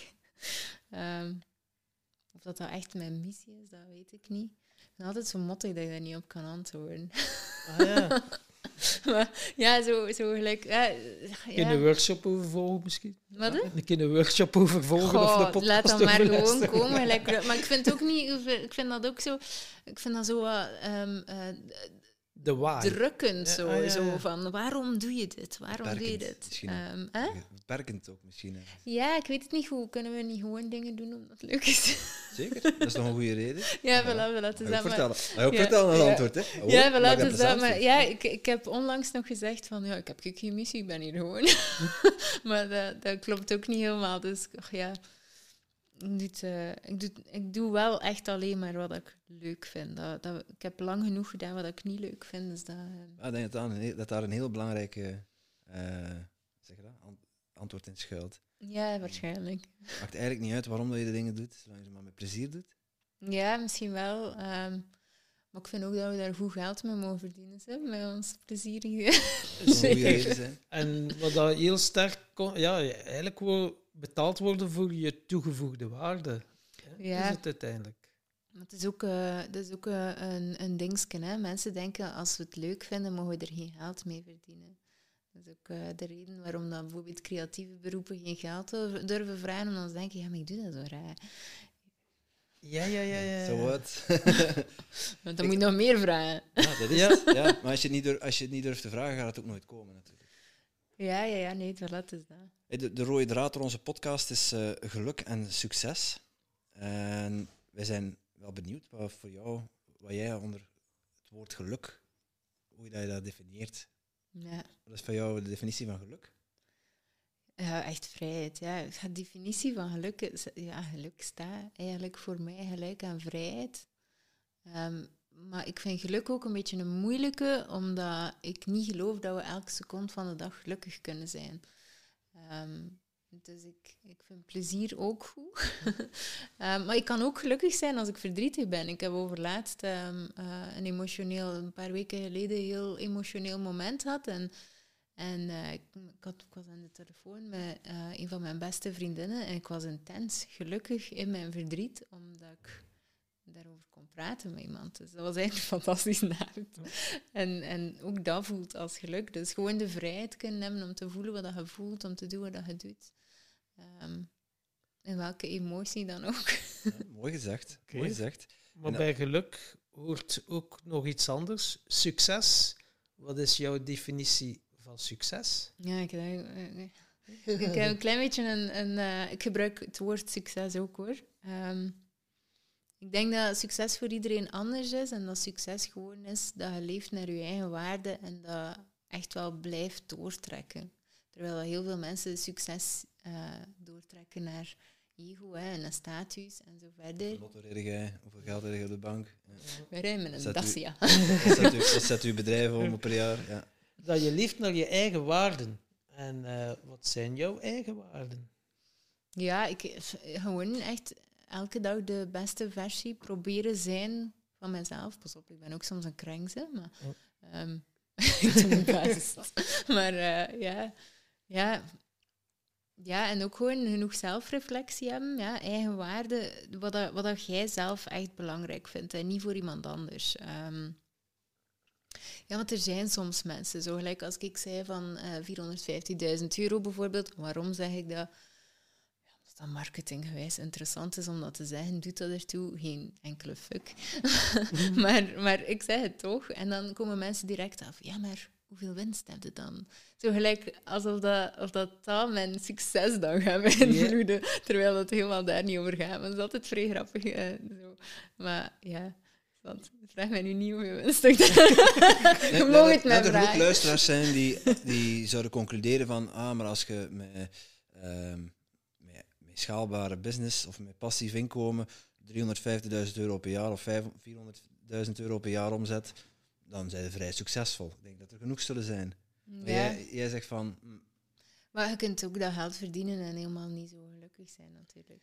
Um, denk dat er bij, dan succesvol? denk dat er bij u wel nog een nuance dan is van je verdient oké okay, die een omzet, maar je laat er anderen ook van meegenieten, want je besteedt fucking veel dingen uit. Dan, ja, ja, tuurlijk. En, en je investeert dan ook nog een keer 100.000 euro in het jaar aan persoonlijke ontwikkeling, gewoon persoonlijke groei. Dus je laat anderen ook wel ja, ervan mee profiteren, is misschien ja, niet de juiste woordkeuze, maar anderen ja, gun het ook. Om, uh... Ja, maar, ja maar, maar, maar, zo, zo denk ik dat het altijd is. Je gunt elkaar van alles, hè, toch? Ik, ik, ik um ik deel alles. En inderdaad, dat wil niet zeggen dat ik het hier op de straat ga smijten, maar ik, um, ik vind dat inderdaad wel een belangrijk, want het is vrij grappig. We zijn aan het bouwen en het is nu zo'n kerel uh, die onze, shit, ik mag het misschien niet zeggen, die onze beton nu komt gieten. En het is zo, ja, hij komt dat niet opdagen. En dan in één keer zegt hij, ah, maar de offerte gaat duurder zijn. En, en, uh, maar nu belde mij net toen als ik naar hier reed van ja, die kerel, en nu wil hij meer geld, terwijl hij zegt alles opgeslaan is, maar ja, zijn offerte en ja, gaan we dan gaan we het wel met een dienen doen, want als we dan iemand anders moeten zoeken. En ik zei toen ook van ja, maar moet dat niet aan mij vragen, want uh, assholes krijgen mijn geld niet. Ja. uh, ik zei dus ja, als jij dat graag wilt, dan moet je dat doen. Maar vraag niet aan mij wat ik daarvan vind, want dan weet het antwoord al. En hij zo, ah ja, oké, ik ga zeggen dat hij mag komen. Zo, ja, allee. dus dat heb ik wel. Zo, ik moet wel echt mensen gunnen. En assholes krijgen mijn geld niet. ja, ja, ja, ja, echt wel. Uh, maar het is ook heel duidelijk. Hè. Ze weten direct uh, wat vlees als ze in de kuip hebben. Hè. Met wie dan ze te doen hebben, denk ik dan ook wel. Ja, maar ik denk dat het algemeen zo wel is. Marketingsgewijs ook. Je geeft altijd graag je geld aan iemand waar dat het aan gunt. Ja, we was in, de vorige, in, de, in een van de vorige afleveringen of ergens gehoord, men, nog eens aan herinnerd. Mensen doen zaken met mensen. Ja, voilà, voilà. En ja, als je, die, als, die, als je die persoon niet vertrouwt, of je ziet niet dat het een persoon is, maar je ziet dat het een machine is of een bedrijf of, of een product, ja, dan moet het wel heel goed zijn om, om dat te willen aanschaffen. Terwijl ja, als je dat, we hebben het dan hier over online, over die zichtbaarheid. Als je jezelf durft te laten zien, dan trek je vanzelf de mensen aan waar jij goed mee gaat. En die zijn ook bereid om jouw geld te geven voor, in ruil voor, voor toegevoegde waarde. Ja. ja. Dus als je dat door hebt en dat spel goed begrijpt, dat is zeer waardevol. Hè? Ja, zeker en vast. En uh, we blijven maar u bestoken met vragen. Normaal gezien starten we onze podcast met de vraag van de vorige gast. Ik moet nu zeggen, vorige week hadden we een podcast, hebben we de vraag volledig vergeten te stellen. Daarmee krijg jij nu de vraag. En eh, die vraag is, wie is Kim zonder haar verhaal? Ehm, mijn wezenlijke zelf, zeker? ja, wie is Kim? Ja. Ehm, Jouw wezenlijke zelf. En Leg uit. leg uit. ja, eh, je wezenlijke zelf is toch gewoon... eh, ehm, je bent perfect vanuit je wezenlijke... Ach, fuck, nu zei ik gewoon letterlijk dat ik perfect ben. Dat was helemaal niet Ja, wat ik maar. Maar, maar wat ik gewoon wil zeggen is... ehm, eh, in je zevende levensjaar ontwikkelt je ego. Dus eigenlijk, als er niks is, dan zijn je eigenlijk goed gelijk hoe dat is. Dus ik denk dat ik dat wel oké vind. Zo. Ik ben goed gelijk hoe dat is, met of zonder verhaal, wat het ook is. En, eh, en af en toe mag ik mezelf daar wel wat meer aan eh, herinneren, want we zijn allemaal heel hard voor onszelf. Mhm. Dat is een mooie. Dus wat mild zijn voor jezelf. Hoe doe jij dat? Ik ben daar een traject voor aan het volgen. Eh, Het is echt letterlijk waar. Dat leerde, dat leerde dat je een dansje moet doen. Nee, nee, maar het is, het is wel interessant. Het is letterlijk eh, op zoek gaan naar je wezenlijke zelf en je helemaal loskomen van je ego, als je dat wilt, hè, want Mhm. je wilt dat niet altijd. Gaat dat dan over de vijfde dimensie en zo? Eh, energetisch? Ik, eh, eh, ik moet zeggen, ik, eh, ik, ik, ben vrij, ik ben vrij rationeel, maar ik begin meer en meer het spirituele wel. Ik heb er vrij lang eh, weerstand tegen gehad. Ja. Eh, maar het laatste jaar komt dat er zo wel wat meer in. Eh, is dat de vijfde dimensie? Ik, ik, ik weet de definitie gewoon niet van de vijfde dimensie, dus daarom kan ik Dus het in plaats van of, of is het en en uiteindelijk. Alles is en en. Eh, Ja. Overvloed. overvloed. Overvloed. Licht en liefde. Overvloed ken ik wel. Li- Liefde is, is niet mijn favoriete. Ja.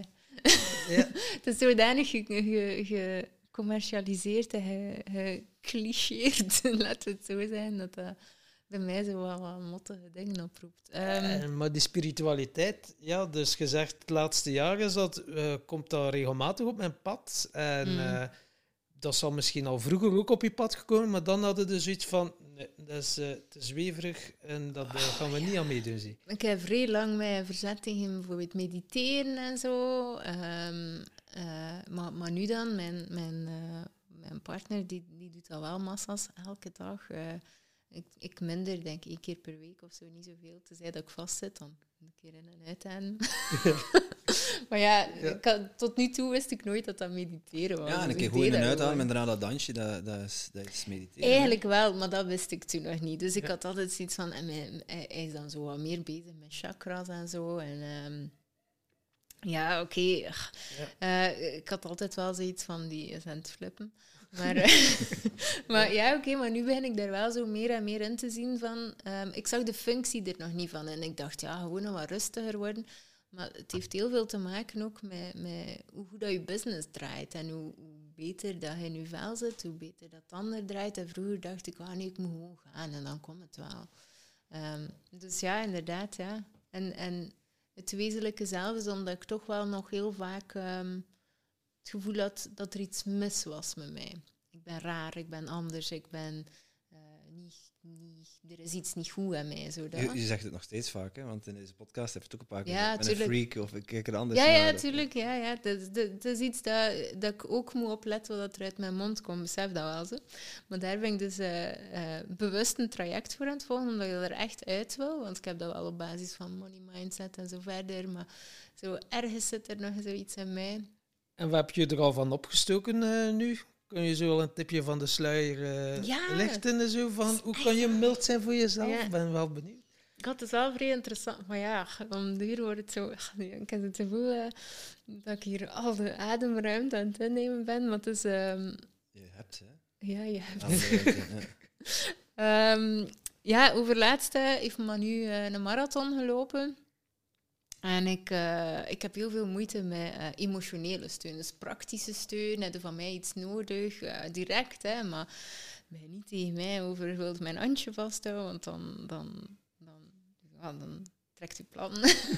Ehm, en, maar nu had zijn eh, marathon en hij was zijn handschoenen vergeten en het was vrij koud.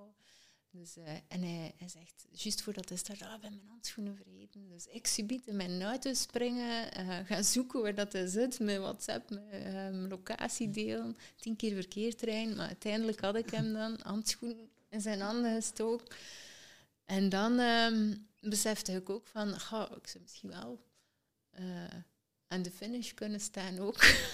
en uh, ontvangen, hè, dat hij ja, 40 kilo, 42 kilometer loopt. En dan merkte ik super veel weerstand. En ik dacht van, oh man, ik ben zo'n slechte steun. En ik weet dat dat hem zo deugd gaat doen als ik gewoon kom en daar gewoon sta in die finish. Maar gewoon Hans mijn lijf blokkeren. Ik wou dat gewoon niet doen. Uh, krak. um, en uh, ja, ik heb het zo, dat, is, dat verhaal zo beginnen opbouwen in mijn hoofd. En ik dacht, ja, dan ben ik slechte partner en geen emotionele steun. En um, ja, dus ik heb me daar dan slecht over gevoeld. En dan had ik een gesprek met mijn, met mijn mentor daarin. En die zei ook van, ja, maar wat betekent dat emotionele steun? En wat betekent uh, praktische steun voor u? En blijkt dat ik zelf gewoon... Uh, uh, zelf heel veel heb aan praktische steun en emotionele steun, dat mijzelf dat niet zoveel doe. Dus ik schat emotionele steun veel minder naar waarde dan praktische steun. En in plaats van op dat moment zo kwaad te zijn op mijn eigen, dat ik dat niet kon opbrengen voor iemand anders, um, ook wel gewoon bewust beseft hem van praktische steun is eigenlijk ook genoeg. Ik hoef niet aan de finish te gaan staan als dat niet, als dat dat niet goed. Ja, we hebben dus in een boek, hè, de vijf talen van liefde. Iedereen heeft een andere ah, liefdestaal. Hè. Ja. Bijvoorbeeld iemand kan enorm de liefde voelen als je compliment geeft. Een ander heeft liever knuffel. Uh, anderen is het bijvoorbeeld van heeft liever ja, dat hij kan dienen of iets kan doen voor iemand. En er zijn er nog twee die mij even ontgaan zijn. En dan is het wel interessant om te weten van, ah ja, oké, mijn partner spreekt die liefdestaal en zo ja. kunnen veel dingen oplossen. Ah, die ken ik niet. Ja, ja ik zal eens een foto van trekken ja, van een oh, ja, grappig, ja, want ik voelde me echt slecht. En Manu kwam thuis en hij zei ook van, ja, waar zat hij? en ik zo, en ja... Maar als ik dat dan uitleidde, we kennen elkaar nu ook al zo lang, dan was dat zo, oh ja, oké, okay, Dus dan, dat, wordt ook niet, allee, dat is ook niet de soort relatie dat we hebben. Je dat van u verwacht? Nee, natuurlijk niet. Hij zei wel zo, wat zat jij misschien? Mijn moeder stond daar en al, maar als, hij, en als ik dan zei van, ja, ja, ik weet niet, ik voelde me oncomfortabel bij het feit van daar te moeten staan en al die mensen. Ik, ik heb u toch handschoenen gebracht? Ja, ja, dat had ik kunnen zeggen, maar ik voelde mij net iets te schuldig daarvoor, denk ik. Maar ja, dat was gewoon zo. En dat is hij dan. Oh ja, oké, okay, ja, dus dus uh, eigenlijk die emoties toelaten bij jezelf is nog altijd uh, een dingetje? Of? Gaat hem niet zozeer over die emoties. Ik vind, ik vind meer zo... Ik, ik, weet zo niet hoe... Ja, ik weet wel niet wat ik moet doen op dat moment. Oké. Ja, ja, ja, dus ja, misschien toch emoties doen. Alhoewel, ik weet elke dag wel een keer. Ik ben zo een die naar tv zit te kijken, naar Paw Patrol. Ik weet niet of je kent, de kinderen, zo'n tekenfilmpje. Als er iets... Uh, als het een goed einde is, dan begin ik te wenen. Dan zijn mijn kinderen zes er weer. Um, dus het is niet dat ik dat niet kan toelaten, maar er is toch zoiets op emotionele steun bij mij dan niet zo. Uh, ik aanvaard dat ook. Ik heb dat zelf ook niet zo graag. En dan die zelfliefde naar jezelf toe, is dat uh, ook iets wat dat uh, lastig is om liefde aan jezelf te geven? Of is dat. Ja, maar dat is, dat is, ja, dat, ja, maar ik denk dat dat een, een um, universeel dingetje is. Hè? Maar ja, dat is echt wel de reden dat ik dat traject nu aan het doen ben. Dat loopt nog twee maanden ongeveer. Welk traject is het? Sterk voor het blok. Dat zijn voor jezelf. Ja, uh, ja het, gaat, het gaat over wezenlijke liefde. Uh, ah ja, nee, het, is, uh, het, is, het gaat over wezenlijke liefde, maar wezenlijke. Ik ben heel mijn kluts kwijt. Het gaat om de inhoud, niet om de titel. Ja, ja het, het is de inhoud. Maar de titel is inderdaad een, een, een dingetje dat ik zo uit mijn verleden wil lossen, waardoor dat ik het niet kan zeggen. Ja. Um, maar ja, inderdaad, er zit wel nog een, een dingetje in op van, van zelfliefde, ja, inderdaad. Ja, um, bij wie niet, hè? Ik denk uh, veel luisteraars die nu zoiets hebben, ja, je zit een keer bij mij moeten zien. Ze. Ja. Tuurlijk, En ja. ons Kim, die verdient goed. En uh, ja, dan, uh, dat is toch al iets. En ik heb zelfs bijna geen geld. Ik zie ja. mijn eigen niet graag. Maar dat is een slachtofferrol, hè. Dan ja, jongens, van mij moet je geen emotionele steun verwachten. iedereen heeft zijn beerput uiteindelijk, hè? Ja, ja, het is dat, En- is dat. Maar het is wel moedig om die af en toe de deksel eraf te durven trekken. En, eh, Oh, ik doe dat wel vrij Ja. graag. Doe niet Ja. liever. Dat, is, dat is willen groeien ook en eh, jezelf Ja. willen ontwikkelen. En mes dat riek goed, hè, jong. Echt serieus. Uiteindelijk, het is maar een perceptie. Hè. Het is een mening hè, dat dat zou stinken. Hij Hè. is opgegroeid op de boerderij, dus eh, ook, ja. dit, eh, voor Ja, hem heb je de ja, peppies, maar, hè, de ja, mest. Ja. Ik kan dat ook wel aan. Voordat hier een heel mest wordt. Ehm, we hebben jou net een vraag gesteld voor, eh, eh, van een vorige gast. Hm? Dat was van Patrick Kikke. Eh, maar we zouden je ook willen vragen om een vraag te bedenken voor de volgende gast. Moet je dat nu direct bedenken? Eh, je mocht eh Je mocht nog een nog een keer terugkomen of zo. Als je Ja, ja, ja, nee. Ehm, ach, ik vind het altijd wel het leuke om, om te horen wat dat mensen zouden zeggen tegen een 18-jarige zelf. Vind ik altijd wel een coole. Oké. Die hebben we al, die hebben we al een keer gehad. Maar dat, is, hebben al- we dat, is, al al- dat is gehad. al een goede vraag. Daar Ja. kunnen we gelijk de diepte in. Er waren Ja. er ook slechte vragen. Er zijn alleen maar goede vragen. Allee. Het is een boeiende vraag. Ja. Tof. Eh, als mensen ehm, eh, ja, willen weten wat je allemaal doet eh, en of jou willen volgen, waar, waar kunnen ze dan terecht? Je hebt een podcast ook, ja. daar heb ik nog niet over gehad. Van, vanmorgen, ik zei. Zo lang zijn we nog niet bezig. In het begin eh, heb Ja, ik je even gezegd, de, de plantrekkers. Ehm, ja, daar eh, het komt heel sporadisch, dus niet elke week. Dus, eh, Organisch groeit het. Ja, misschien heel Als ik kort. Heel kort wat, wat kunnen de mensen verwachten als ze naar luisteren naar de plantrekkers? Heel kort. Ehm, ja, heel, heel, eh, Of heel lang. heel, heel, heel, heel diep gaan toch. Ja, het is toch wel... ehm, ik heb ik geen blad voor mijn mond. En gaat het dan ook over passief inkomen en zo? En, eh, Ja. Ja, dat ook. ah, Oké. Over veel geld verdienen, lekker jezelf zijn zonder schaamte. Ah ja. Heel interessant. Ja. dus dat, eh, dat komt goed. Ja, dus de plantrekkers kunnen ze vinden. Je hebt waarschijnlijk ook een website of zo. Ja. kimdegraven.be. Kijk eens aan. Ja. Ja. Mooi. En eh, onze luisteraars, echt waar, je gelooft het of niet, maar die houden van cadeautjes. En sommige gasten hebben soms iets in de aanbieding en doen onze luisteraars daar graag plezier mee. Bijvoorbeeld een boek of zo, of, of iets anders. Of een toffe e-book. Ja.